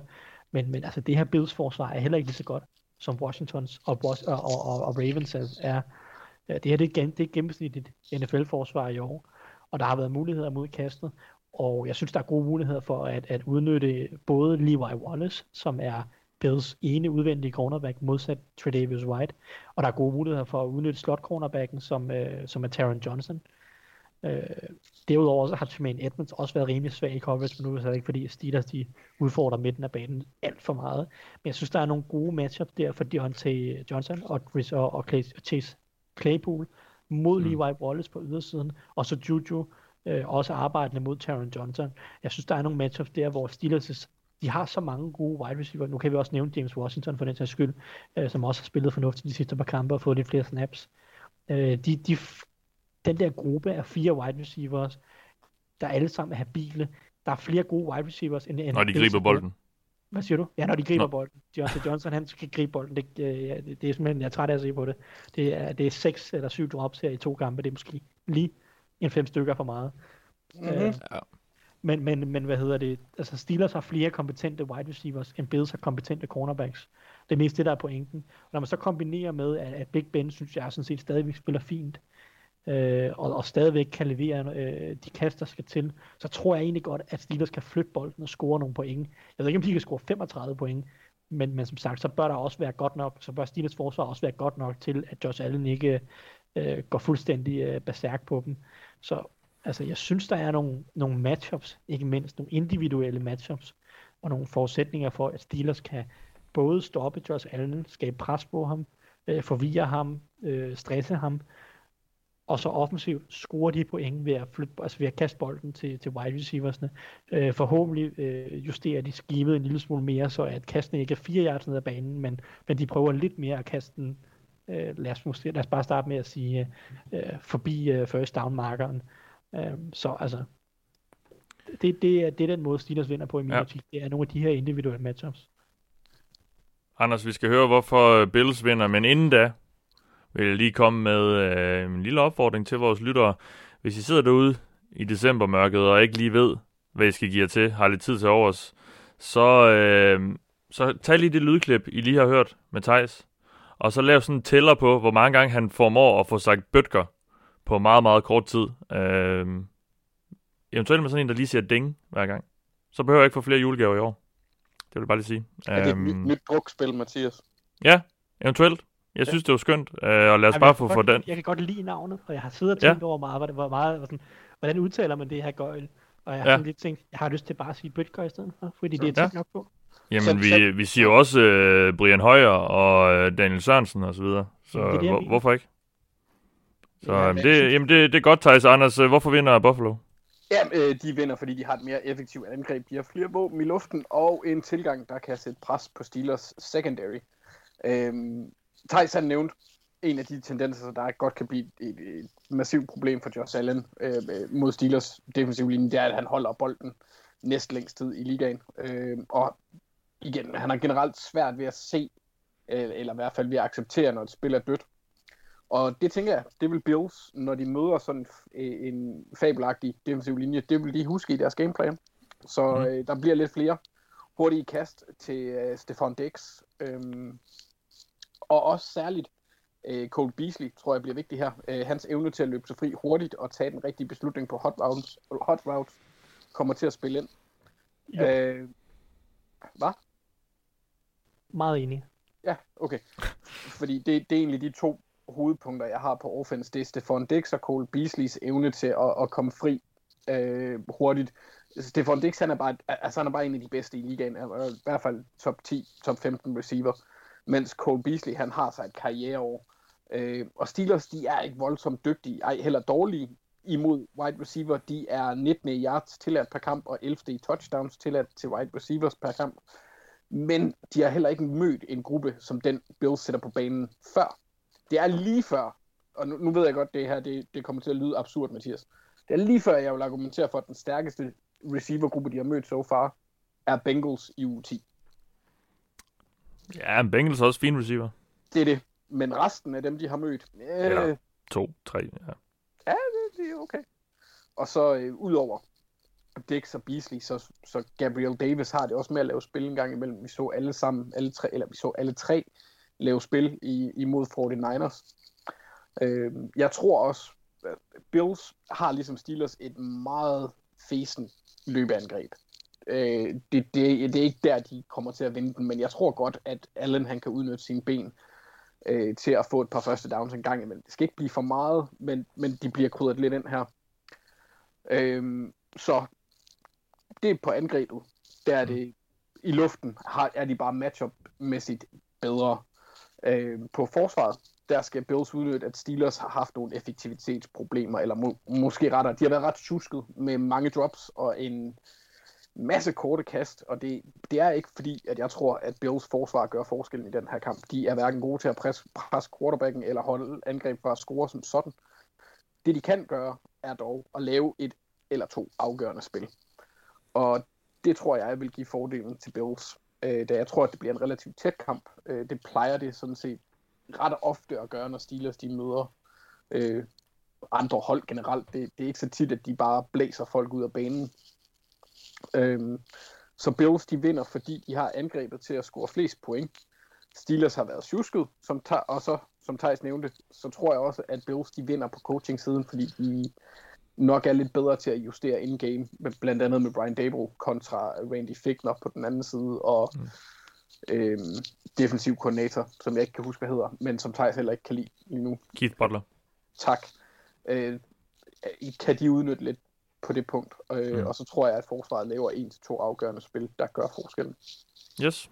Jamen, vi iler videre til den næste kamp. Det er Chiefs Dolphins. Og øh, ja, det godt være, du har fået en lidt hård opgave der, Anders. Igen. Mathias. Ja, det er faktisk rigtigt. Undskyld.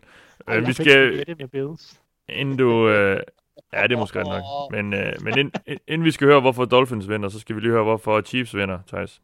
Og det, det er måske ikke, der er måske ikke så mange øh, øh, spidsvindigheder ved det, eller hvad? Hvad er, hvad er over under på Harrison Butker øh, benævnelser her? Oh ja. Okay, ja, den, øh, den må jeg lige se, at jeg kan flette ind, men, men, men. Ja.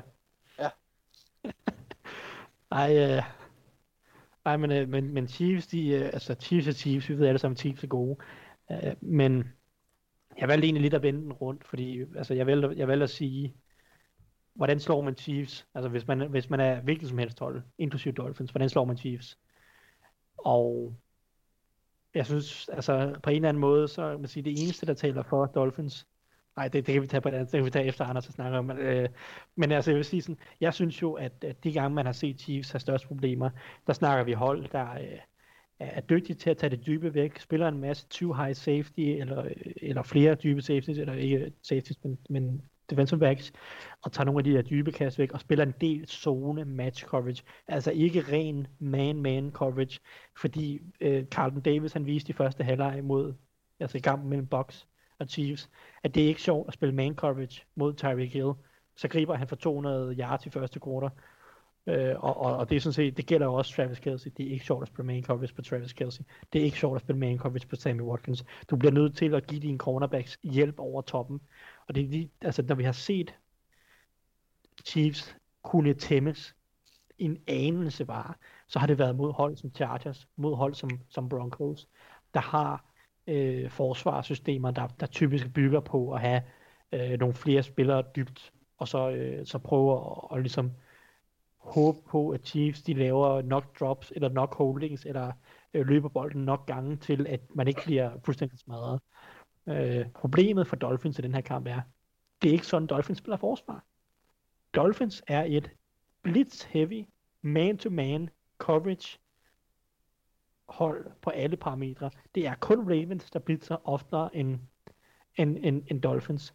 Vi så for øvrigt Ravens, som også er blitz-heavy, man-to-man coverage type of angreb, eller en forsvar, blive udstillet af netop Mahomes, fordi han er så dygtig til at få, blitz, eller få bolden ud af hænderne mod blitzen.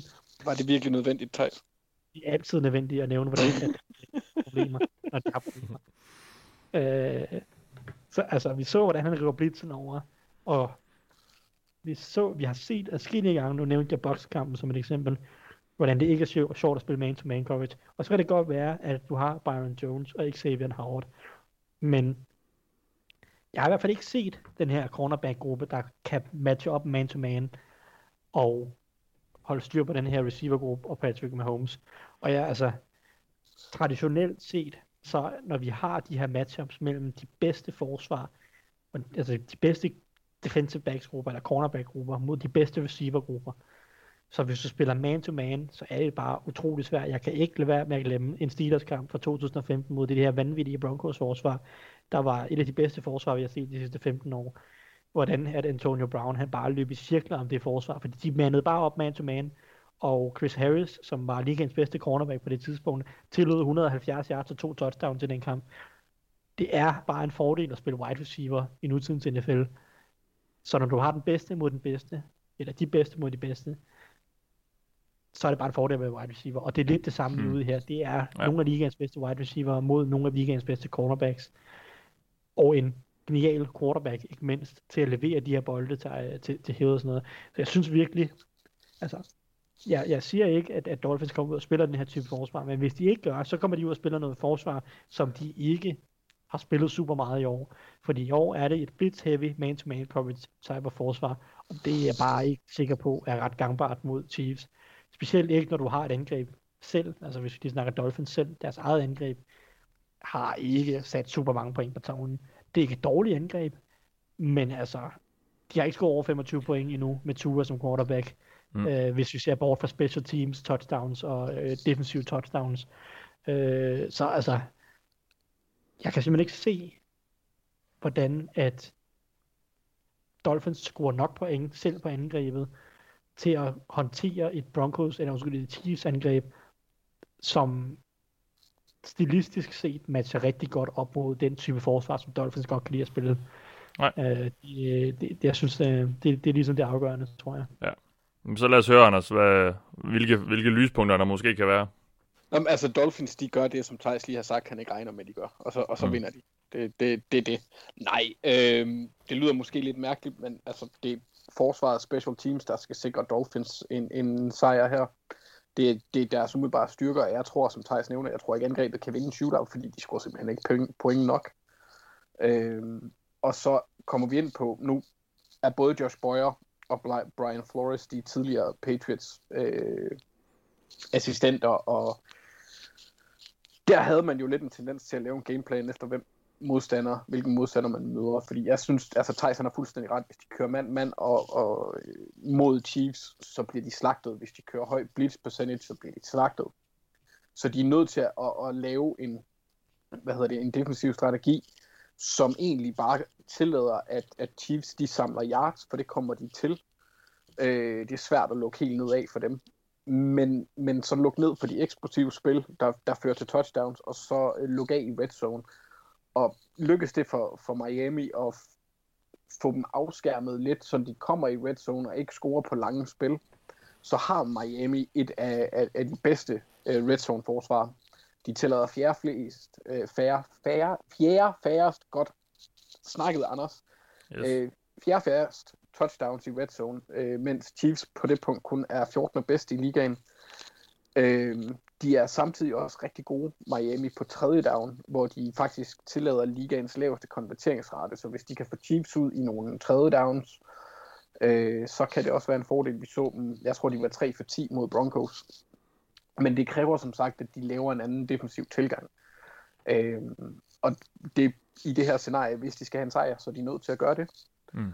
Øhm, og jeg synes, at som vi nævnte, og som Thijs også nævnte, at Denver har vist, at det kan lade sig gøre og, og tvinge Chiefs til at fyre lange drives afsted.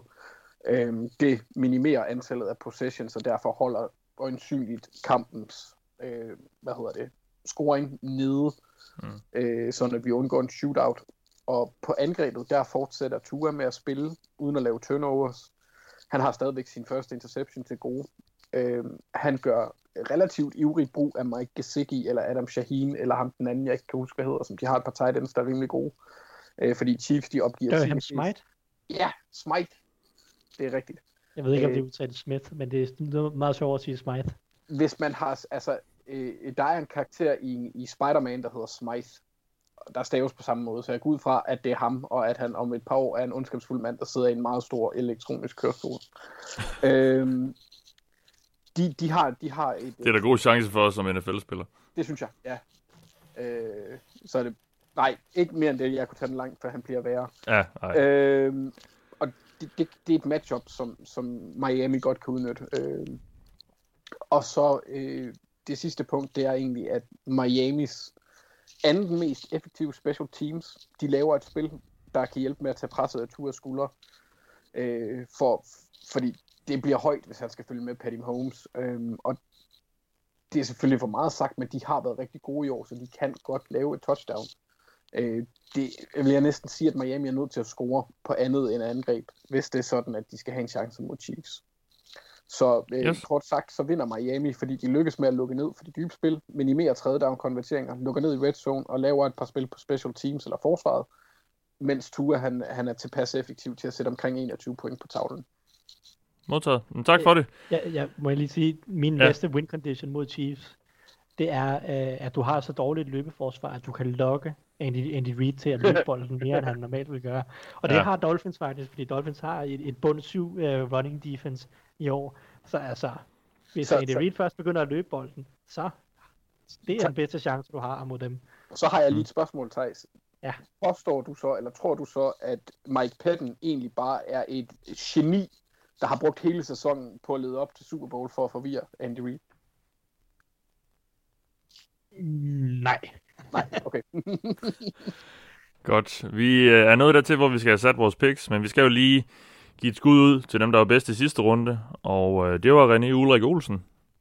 Han ramte 12 ud af 15. Det gjorde vi faktisk også, så det var en rigtig god runde, drenge. Øhm, men øh, René han havde arrangeret kampene, sådan, så han fik øh, lidt flere point ud af det. Så øh, kado til René, Andreas Kjærskov, Nørlev, han fører stadig i den samme stilling. Det har han gjort i et stykke tid, så øh, han er også godt kørende, og lå også ret højt i sidste runde. Øh, vi blev faktisk delt træer i sidste runde, så det var, det var en rigtig god runde for os, og vi er øh, nu oppe på 69% for sæsonen, og ligger nummer 16 i Dog Ligaen, så øh, jeg håber ikke, det bliver ødelagt alt for meget i den her uge, hvor jeg jo øh, bliver nødt til at bidrage med min øh, stemme i puljen, så, øh, men lad os se, hvordan, øh, om vi kan blive enige. Øh, Rams Patriots, Anders.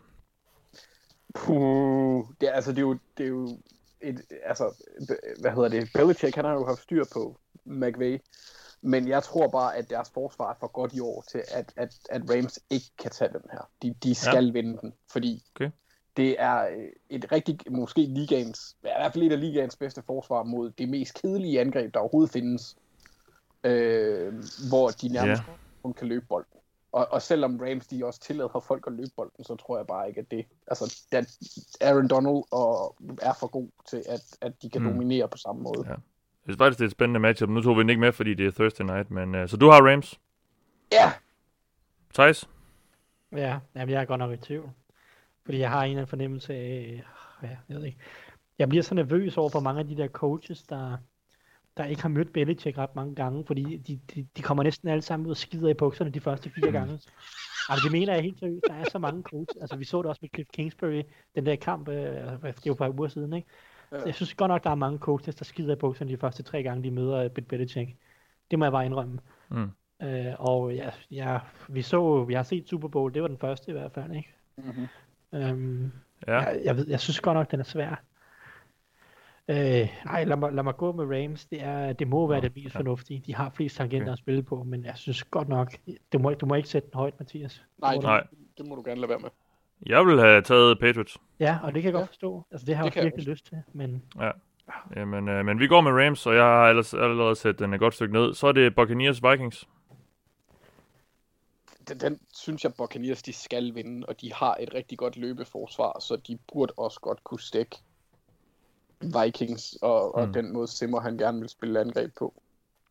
Thijs? Jamen, jeg, jamen, jeg er enig. Jeg havde glædet mig rigtig meget til at høre Anders og sådan Mark diskutere den her, hvor Anders netop Mm. sidder og siger, ah, Bucks har et godt løbeforsvar, og så siger, så siger Mark i stedet for, jamen har du set øh, den næste Jesus, Justin Jefferson, løbe rundt, han er jo bedst.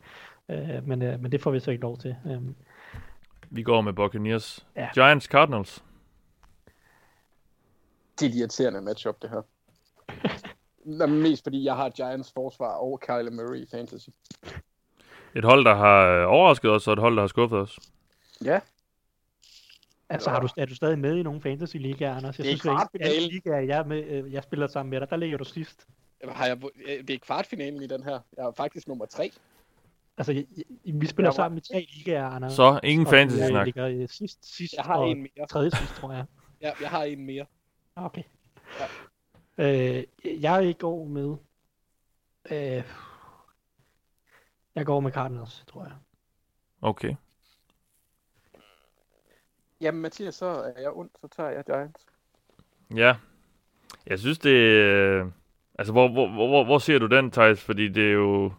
Jamen, det er jo 50-50 for mit vedkommende. Ja, Øh, jeg, I sidste ende tror jeg, det kommer ned til, at, at, at Jeg er selvfølgelig også Cole McCoy, men om, omvendt, de vandt jo over. Seahawks. nej, det, det kan godt være, at Daniel Jones er tilbage. Øh, Nå, okay. Ja. det, men altså, det er bare så mange point, skal der da ikke til, tænker jeg. Altså, selv hvis Daniel Jones er tilbage, så kan du nok vinde kampen med 24 point, ikke? Mm. Øh, men spørgsmålet om de kan score det, det ved jeg sgu ikke. Øh, men Vi, har det, vi har det generelt svært med, med Cardinals kampe i år. ja, de, øh, det er også et, et frustrerende hold at se på. Ja. Jeg, jeg kan godt forstå, hvis jeg Ja, Giants. okay. Øhm, jeg... Øhm, ah, jeg synes, min, min første indskydelse var Giants, så dem, øh, dem går jeg med. Men det er også det, er også det der recency bias, derefter vi lige har set dem slå Seahawks. Det vil... Det, øh, ej, jeg tror... Kyler ej. Kyler, han... Øh, ej, jeg, ej, jeg, ved du, jeg, jeg, jeg flipper den skulle lige. Jeg, jeg går med Cardinals. Okay. Ja, den, den ryger langt ned i ned. bunden. Ned i bunden, ja. Hvor mange kan vi sætte ned i Øhm, bunden? Dolphins Alt. Chiefs. Øh, Chiefs. Det er Ja. 100. Nej, Ja. måske ikke helt, men øh, ja, Chiefs. ja. Jaguars Titans. Titans. Titans. Ja. Det kan være, den ryger på 100. Ja, Bengals Cowboys. Åh, bare- den bør Cowboys vinde. Dalton vender den? tilbage. Hvad sagde du? Jeg, sagde, jeg spurgte, om vi kunne aflyse den kamp. Men, Ja. Jo, altså Bengals, de er virkelig dårlige til at løbe bolden. Og, og Cowboys er, De er virkelig dårlige til alt. til at stoppe løb. det også, Ja, det er så også, de har ikke rigtig nogen fordel. Jeg går med Cowboys. Det gør jeg også. Ja, det gør jeg også. Bears Texans. Ja. Øh... Jeg tror, jeg går med Deshaun Watson. Ja, Thijs. Så I, I kender mit svar. Jeg tager ikke Bears. Det er Nej, blevet et nej. principsag. Det har vi heller ikke gjort i år. Panthers Broncos. Åh, oh, den er også tricky. Ja. Men Christian McCaffrey er tilbage, og det ved vi jo alle sammen er dybt afgørende. Er du Ja. helt sikker på det? Øh, det er jeg ret sikker på. Jeg synes, Matt Rule var ude at sige, at øh, han, kan, han kan ikke se, hvorfor han ikke skulle spille. Fedt, fedt, fedt. Ham har jeg også i min fantasy. Ja, jeg har Ja. ja. også liga, så det er fint. Øh, Jeg Ja. går med, jeg går med Panther. Panthers. Det gør jeg. Det gør jeg også. Yes. Seahawks Jets. Seahawks.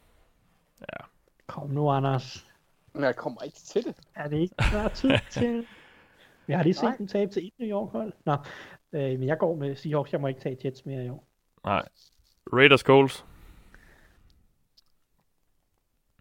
Jeg går med, jeg går med Colts, fordi jeg tror, at deres forsvar kan godt begrænse Raiders, selv hvis Raiders angreb ikke er så dårligt, som det har været de sidste par uger. Og Mm. jeg er ikke bange, altså jeg er bange for, at Raiders forsvar ikke kan begrænse noget som helst, så derfor går jeg med Colts. Jeg Ja. går også med Colts. Vi, vi kunne bare se, hvilken effekt det har, når de har DeForest Buckner tilbage. Han, Ja. er, han er et base. 49ers Washington. Ja, Jeg tager Washington. Ja, det er også Det er- lige næste hold nu, ikke? Altså, de har slået, de har slået førstepladsen, så må de være nye etter. Det er jo det. Nej, jeg går med 49ers, øh, tror jeg. Nå, spændende. Spændende. Ah, det synes jeg ikke er fair, Mathias, fordi ja, jeg vil også gerne... Ej, men have nu tænker jeg lige- Men nu bliver jeg sådan lidt... Hmm. Ja, ved du hvad? Vi... vi... Nej. Ah. Det er så svært, fordi når man sidder og ser Bills 49ers, så er det sådan... Der er, der er jo... Altså, Nick Mullins gør det egentlig fint, men det er stadigvæk Nick Mullins. Ej, jeg Det er går mod bedre 49ers. forsvar nu. Ja, det gør jeg. Jeg går med 49ers. Du går med Fort Niners? Ja, Carl Shanahan han er sur. Okay. Spændende. Eagles Saints. Get. Ja. Saints. Thijs, tager du dem også? Saints. Absolut. Ja. Ja, jeg, og jeg tror ikke, at Eagles angreb kommer til at se bedre ud med Jalen Hurts i den her uge. Nej, Noget, som jeg tror, tror. Anders gerne vil have snakket om Jalen Hurts, men uh, det får han så ikke lov til. Vi må se, hvordan det går. Det går nok ikke så godt. Det er også tavligt, og be- det Ej, er Mark, tavligt, at ja. han får sin første start mod ligens bedste forsvar lige nu. Ja. Ja, det var Mark, der ville det, Thijs. Jeg, jeg, jeg Ja. ja. synes, vi har snakket nok om det. Sagde Anders, undskyld, ja. Chargers, Chargers Falcons. ja, men det er det, er det, jeg har at sige til den kamp. Ja. Øh, den bør... Hvem end der fører tredje quarter, vinder Tag. kamp. Så Ja. Chargers... Jeg tror, jeg tager... Må jeg godt det, Mathias? Du må tage, hvem du har lyst til. Så, så tror jeg, jeg tager Chargers. Jeg tager Falcons. Jeg tror, Ja. Chargers, de, øh, det, det var 45-0. De er, de er færdige. Done. Ja. Oha. Hvordan var det Falcons i weekenden? Ja, de tabte vel øh, Det var Saints, ja. ikke med 20 point, eller var det 15 Ja. ja. 10 point eller noget. Åh. Ej, jeg går sgu med... Øh, jeg, jeg går med Herbert. Oh, no. Så vi tager Chargers. Lions, Packers. Øh, Packers. Ja, det, det, skal man jo gøre. Men jeg vil bare sige, at det kunne blive et rigtig sjovt shootout, det her, fordi at Darren Bevel, han er så dejlig meget en fuck alt mand. Altså, så Ja. ja. han, han kom ind i weekenden her, og så lå han bare, øh, Matthew Stafford bare gå ham og bare kaste bolden hele tiden. Han, er- han, er- han, er, han er fuck alt på nær Adrian Peterson. Ja, ham, kan, ham kan han godt lide. Ja, Ja. det er også... Ja, nok om det, men, men altså, Vi har Packers. ja, det har vi. Ja. Bills, Steelers. Thijs? Skal Jeg tager først, ja? Steelers. Jamen, jeg, jeg, Jeg tager Steelers. Jeg tager Bills. Jeg synes, øh, jeg tror, at Steelers skal bruge lidt mere tid til at komme i gang igen. Øh, de har nogle ting, de skal finde ud af på angrebet, Mm. Steelers. Mm. Og selvom jeg tror, at Steelers nok skal løfte niveauet igen, så ved jeg ikke, at det lige bliver den her kamp, fordi at, at, at jeg, tror, jeg tror, det kommer til at tage lidt, lige en uge eller to mere, før Steelers finder ud af, hvordan deres angreb lige skal se ud, fordi de skal lige have Ja. modificeret det og spicet det lidt op. Så jeg tror, Bills de tager den i den her uge. Anders, du er tiebreaker. Ja, jeg, jeg gør, som øh, andre ikke har gjort over for mig. Jeg lytter til, til homeren, og så tager jeg Bills. Okay. Browns, Ravens. Jeg siger, den er faktisk forfærdelig, fordi jeg føler, at det er et okay matchup for Ravens. Ja, det tror jeg også, det er. Ja. Øh, forsvarsmæssigt, der har Meget Browns... stoler du på jeres løbeforsvar? Øh, hvis hvis øh, Calais Campbell han er kommet øh, lidt bedre over sin skade, så han får mere spilletid, Brandon Williams herinde og Derek Wolf herinde, øh, så, så tror jeg relativt godt på det. Øh, der, der tror jeg godt, at vi kan gå hen og, og gøre en forskel. Det er jo den primære årsag til, at de to spillere er blevet hentet ind, så hvis de ikke gør det, så er det jo pointless. Øh, men det er en kamp, vi skal vinde. Så øh, jeg går med Ravens. Mm. Ja, jamen, altså, det, det, det havde jeg jo ikke været i tvivl om øh, før søndagens kamp, må man sige, hvor Browns jo går ud og leverer noget, som, som, som, som så mere spændende ud, end de har gjort ellers. Men øh, det er jo det der med recency bias, det skal man da være med at lytte alt for meget til, så jeg tror også, jeg går med Ravens. Okay. Apropos re- recency bias, så så jeg også i, i kampen i nat, Lamar Jackson, han så for første gang næsten hele året ud, ud til at nyde at være på fodboldbanen. Mm. Og han så kvik ud. Jamen, På øh, vi går med Ravens, og øh, det var det for den runde, vi har fået sat vores picks, og vi har også fået snakket om både de sidste, den sidste fjerdedel af sæsonen og spillerunde 14 i NFL. Vi er tilbage igen næste uge forhåbentlig med Mark tilbage, og i den gang omgang har du lyttet til mig. Jeg hedder Mathias Sørensen, med mig har haft Anders Kaltoft og Thijs Joranger. Vi lyttes ved. Vi er faktisk ikke helt færdige endnu, fordi torsdag, altså efter vi først havde udgivet det ovale kontor, så sendte Claus Elming mig et interview, han havde lavet med Hjalte Froholt. Og det synes vi ikke, I skulle snydes for, så det kommer her. Hej Hjalte! Hej, Velkommen til Houston. Ja, tak. Tusind tak. Hvordan, øh, hvordan har du det? Det er godt. Det går fint. Ja. Øh, ja, været på og nu. Øh, jeg er stadig bare på hotel, men øh, det er godt. Okay. Prøv, øh, lad os lige hoppe lidt tilbage, og så til den der famøse lørdag for øh, små to uger siden. Øh, fortæl mig lige om, hvad der sker der, da du får beskeden om, at du ikke længere er en del af Patriots.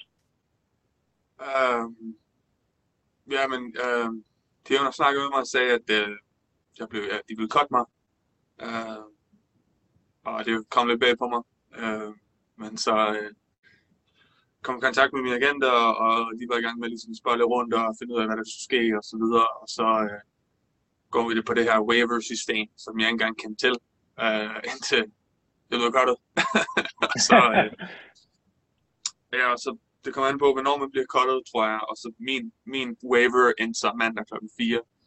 Øhm, og så er det bare sådan en waiting game, for der er ikke nogen hold, der siger noget. Der er ikke, altså, man, man måske godt snakke og prøve at snakke med de forskellige GM's som en agent, men der er ikke nogen hold, der vil sige noget. Øhm, så det var bare et waiting game. Øh, så vi ventede der i, jeg fik det at vide lørdag morgen, så jeg to og en halv dag.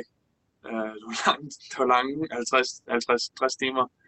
Øh, sad og vente på, øh, på fornyhederne, men jeg er glad for den mulighed, jeg har fået hernede. Så det var, så det var dejligt. Hvor, hvor, hvor stor var skuffelsen lige der, over overraskelsen for den sags skyld? Øh, ja, det var lidt øh, surrealistisk. Det var ikke noget, jeg havde forventet. Øh, jeg tror, at øh, i, den, i den perfekte verden vil det jo altid være dejligt selv at vælge, når man går fra en øh, organisation. Øh, hvilket var selvfølgelig hele planen, og det skulle bare gå smooth, og jeg skulle vælge selv, hvornår jeg ville stoppe, og der var ikke noget, der ville gå galt. Og nu, men så, så skete det lidt tidligere, og det er jo øh, realiteten af NFL, og realiteten for de fleste i NFL.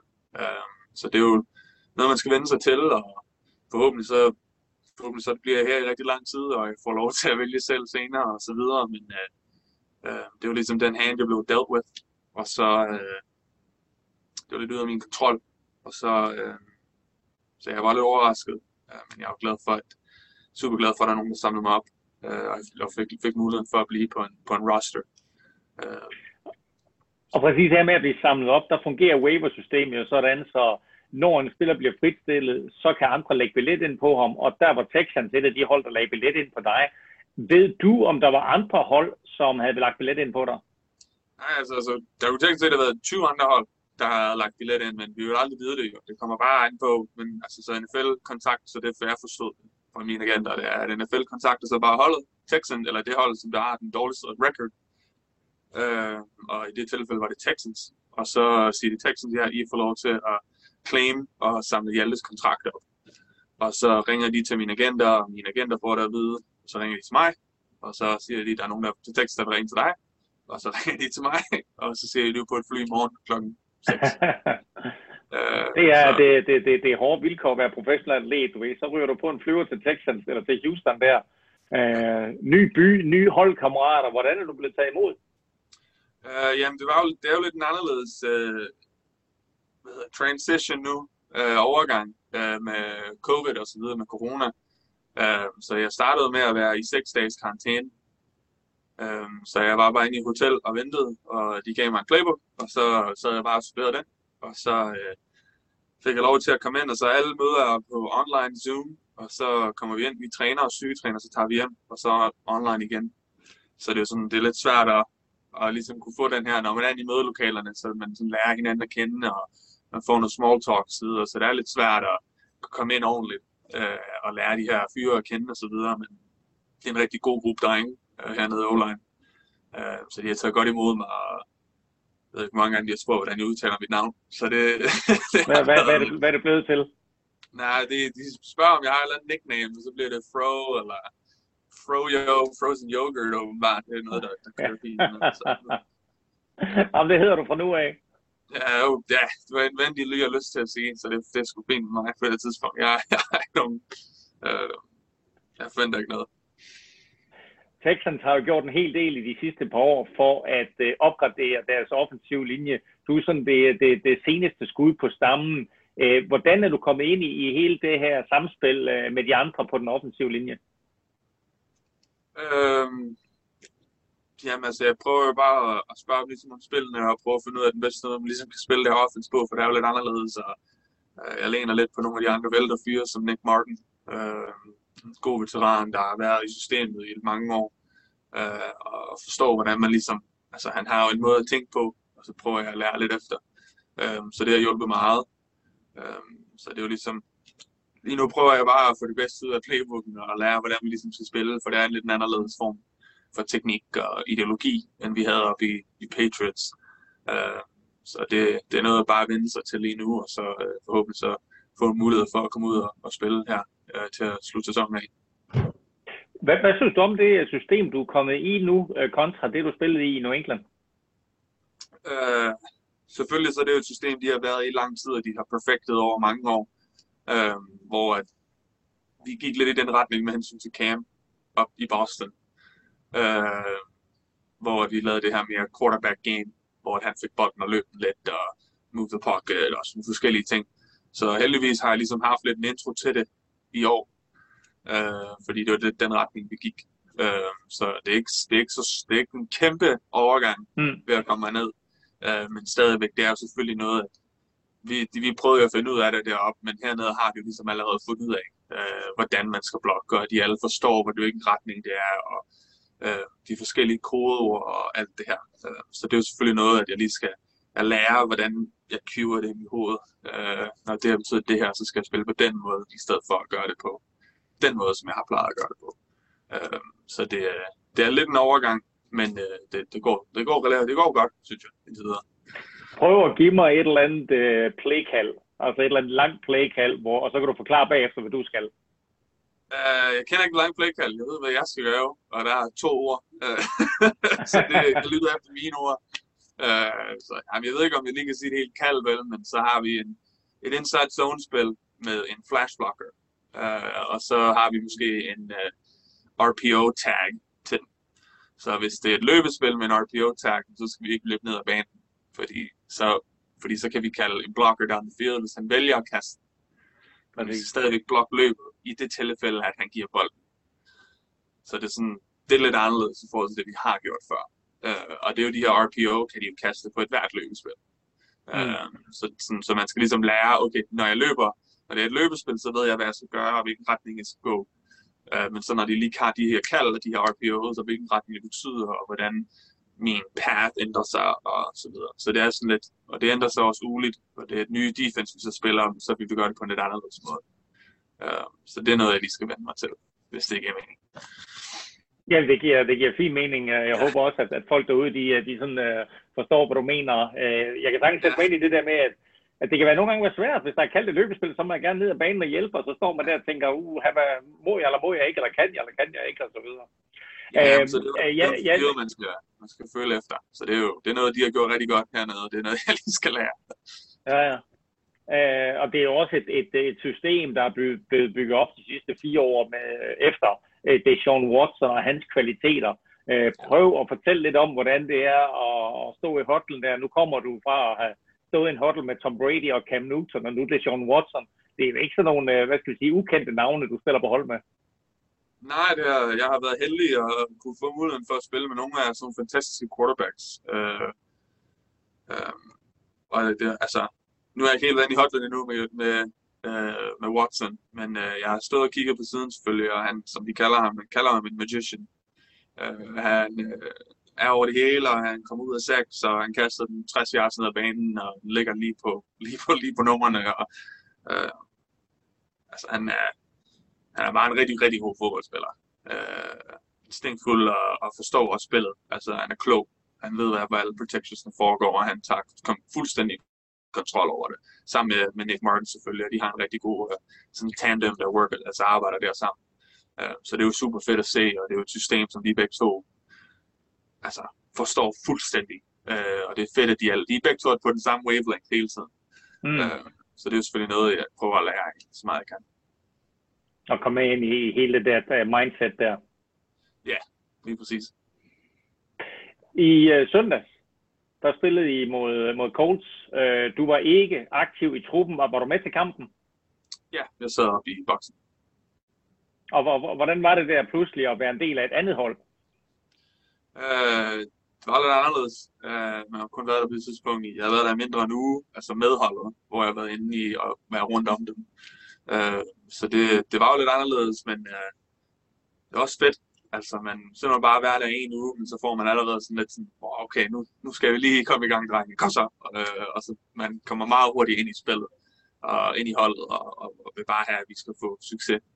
Øh, så det, det var selvfølgelig lidt mærkeligt at se et andet hold, og hæppe på et andet hold, end jeg plejede at hæppe på. Øh, men øh, det var egentlig ikke, øh, det var ikke så galt igen. Øh, da du sad der i boksen, øh, havde, du, havde du adgang til de playkald, øh, der, der, der blev kaldt, altså kunne du lytte med på, på de playkald? Nej, så man sidder bare deroppe og følger med på banen, og så prøver jeg ligesom at øh, finde ud af, hvad der er, kalden er igennem spillet, når det kører, øh, så godt jeg kan, så jeg ligesom kan blive ved med at prøve at se, okay, det var grunden til, at de gjorde det her, det er fordi, det var det her spil, og det var den her måde, de parrede det på, og hvor at øh, Mike Leinberg var, og så videre. Øh, så jeg prøver at sætte mig ind i deres, in their shoes, øh, for ligesom at lære det så godt jeg kan. Og så i dag øh, er det onsdag, du kommer i lige ud at træne. Øh, fortæl mig sådan, hvad sådan en, en dag som i dag, den består af. Øh, jamen, så har vi online møder kl. 8 om morgenen til kl. 11, og, og så kommer vi over og styrketræner, før vi går ud og starter med vores walkthroughs kl. halv. Øh, så har vi walkthroughs i 20 minutter, så starter vi med en god lang opvarmning. Og Så de der vi- walkthroughs, undskyld jeg afbryder, de der walkthroughs der, er det nogle plays øh, decideret til den kommende weekend? Ja, så det er sådan, så det er ligesom, når vi spiller igennem, så når vi går igennem træning, så det vi egentlig gør, det er, at vi går igennem alle spillene, men i en walkthrough tempo. Så, vi, så, jeg, skal, så jeg viser for starting O-line, så jeg går hen og en D-lineman, og så går vi bare igennem det, sådan, så der er nogle spots, så man får sin kald ud, og man sørger for, at alt ligesom går i den retning, man gerne vil. Og så efter walkthrough, og vi varmer op, så går vi så ind i team, og så er der jo så scout team, og så videre, så der er en scout defense. Så scout defense vil så have de her kort, som de har tegnet, Uh, og så vil de så spille det defense, som vi gerne vil spille imod. Så vi siger, okay, det her det er den måde, Chicago spiller på. Så det er den her form for teknik, at uh, defensive linemen vil være, og det her linebackers vil være i det her bestemte spil, og I skal reagere på den her måde. Uh, og så samme så for, sådan, jeg går ind og hjælper med med scout offense, så gør jeg det samme, så ser jeg så spillet på et kort, og så går jeg igennem det, uh, og giver dem det bedste look, jeg kan, for at gøre dem klar uh, til kampen på søndag. Men du er også den perfekte scoutspiller. Du har jo en fortid som defensive lineman også. Jeg ved lige præcis, hvad der skal ske. ja, lige præcis. Det er fantastisk. Øh, som sagt, du var, du var inaktiv i, i, i søndags. Hvad er dine udsigter til at komme med i den aktive trup? Øh, det ved jeg ikke lige nu. Øh, det er op til dem. Øh, men øh, træner bare hver dag og prøver at få en mulighed for at komme ind og spille. Det, det, det er det eneste, jeg kan se frem til. Øh, det hele det kan, det kan ændre sig meget hurtigt, så jeg tror ikke, jeg forventer noget, og vi må se, når det kommer, så kommer det. Og hvad med, hvad med det her med at finde et sted og bo i, øh, i Houston og få øh, kæresten derned og så videre? Ja, så... Eller er, er Øh, I blevet gift? Er, er det, nej, vi forlod. I forlod det sådan der? Øh, men øh, lige nu er jeg i hotel, øh, og så har vi fundet en øh, Airbnb, som vi vil bo i en måneds tid. Øh, hun kører ned med sin far fra Boston med hundene, så det er lige en kort 30 timers tur. Så den øh, er den af til hende. Øh, så ja, de kører herned og kommer her den weekend der, og så på mandag, når jeg kommer hjem, så er hun blevet testet og det hele, og så, så kommer jeg med ind og bor i, øh, i huset der øh, med hundene. Så det gør vi indtil sæsonen er færdig. Og når nu øh, de danske seere, de sidder og, og spejder efter øh, danske Hjalte Frohold på søndag, hvad for et nummer skal de så kigge efter? Øh, 77. 77. Så, jo. Er der, er der et eller andet over det nummer, eller er det bare det, du blevet tildelt? Nej, der var nogle forskellige numre, jeg kunne vælge, og så tænkte jeg 77, det var det, som der passer. Så øh, ja. Så det kører. Hjalte, øh, tillykke med din nye tilværelse som, øh, som Texans-spiller, og tak fordi du havde tid til lige at snakke med os her. Ja, tusind tak. Selv tak. Det var godt at se jer igen, og forhåbentlig så kan vi øh, snakke lidt mere, lidt mere off, uh, more often than not. jeg Undskyld håber med det. alle Jeg de engelske udtryk. Min dansk, det, jeg, har, jeg har brug for at komme Vi, vi skal bare tale noget mere sammen, så kommer det nok. Ej, det, det er simpelthen ikke så godt. Øh, Jeg har været, jeg har været væk hjemmefra i alt for lang tid. Øh, Ja. ja, tak igen, og glædelig jul, øh, hvis vi ikke snakker Ja, men her. i lige måde Hjalte til dig og det hele, og vi håber selvfølgelig også på, at der er en lille- lille julegave i form af spilletid, øh, inden sæsonen er forbi. Det var dejligt. Godt så. Super, det er godt, vi snakkes.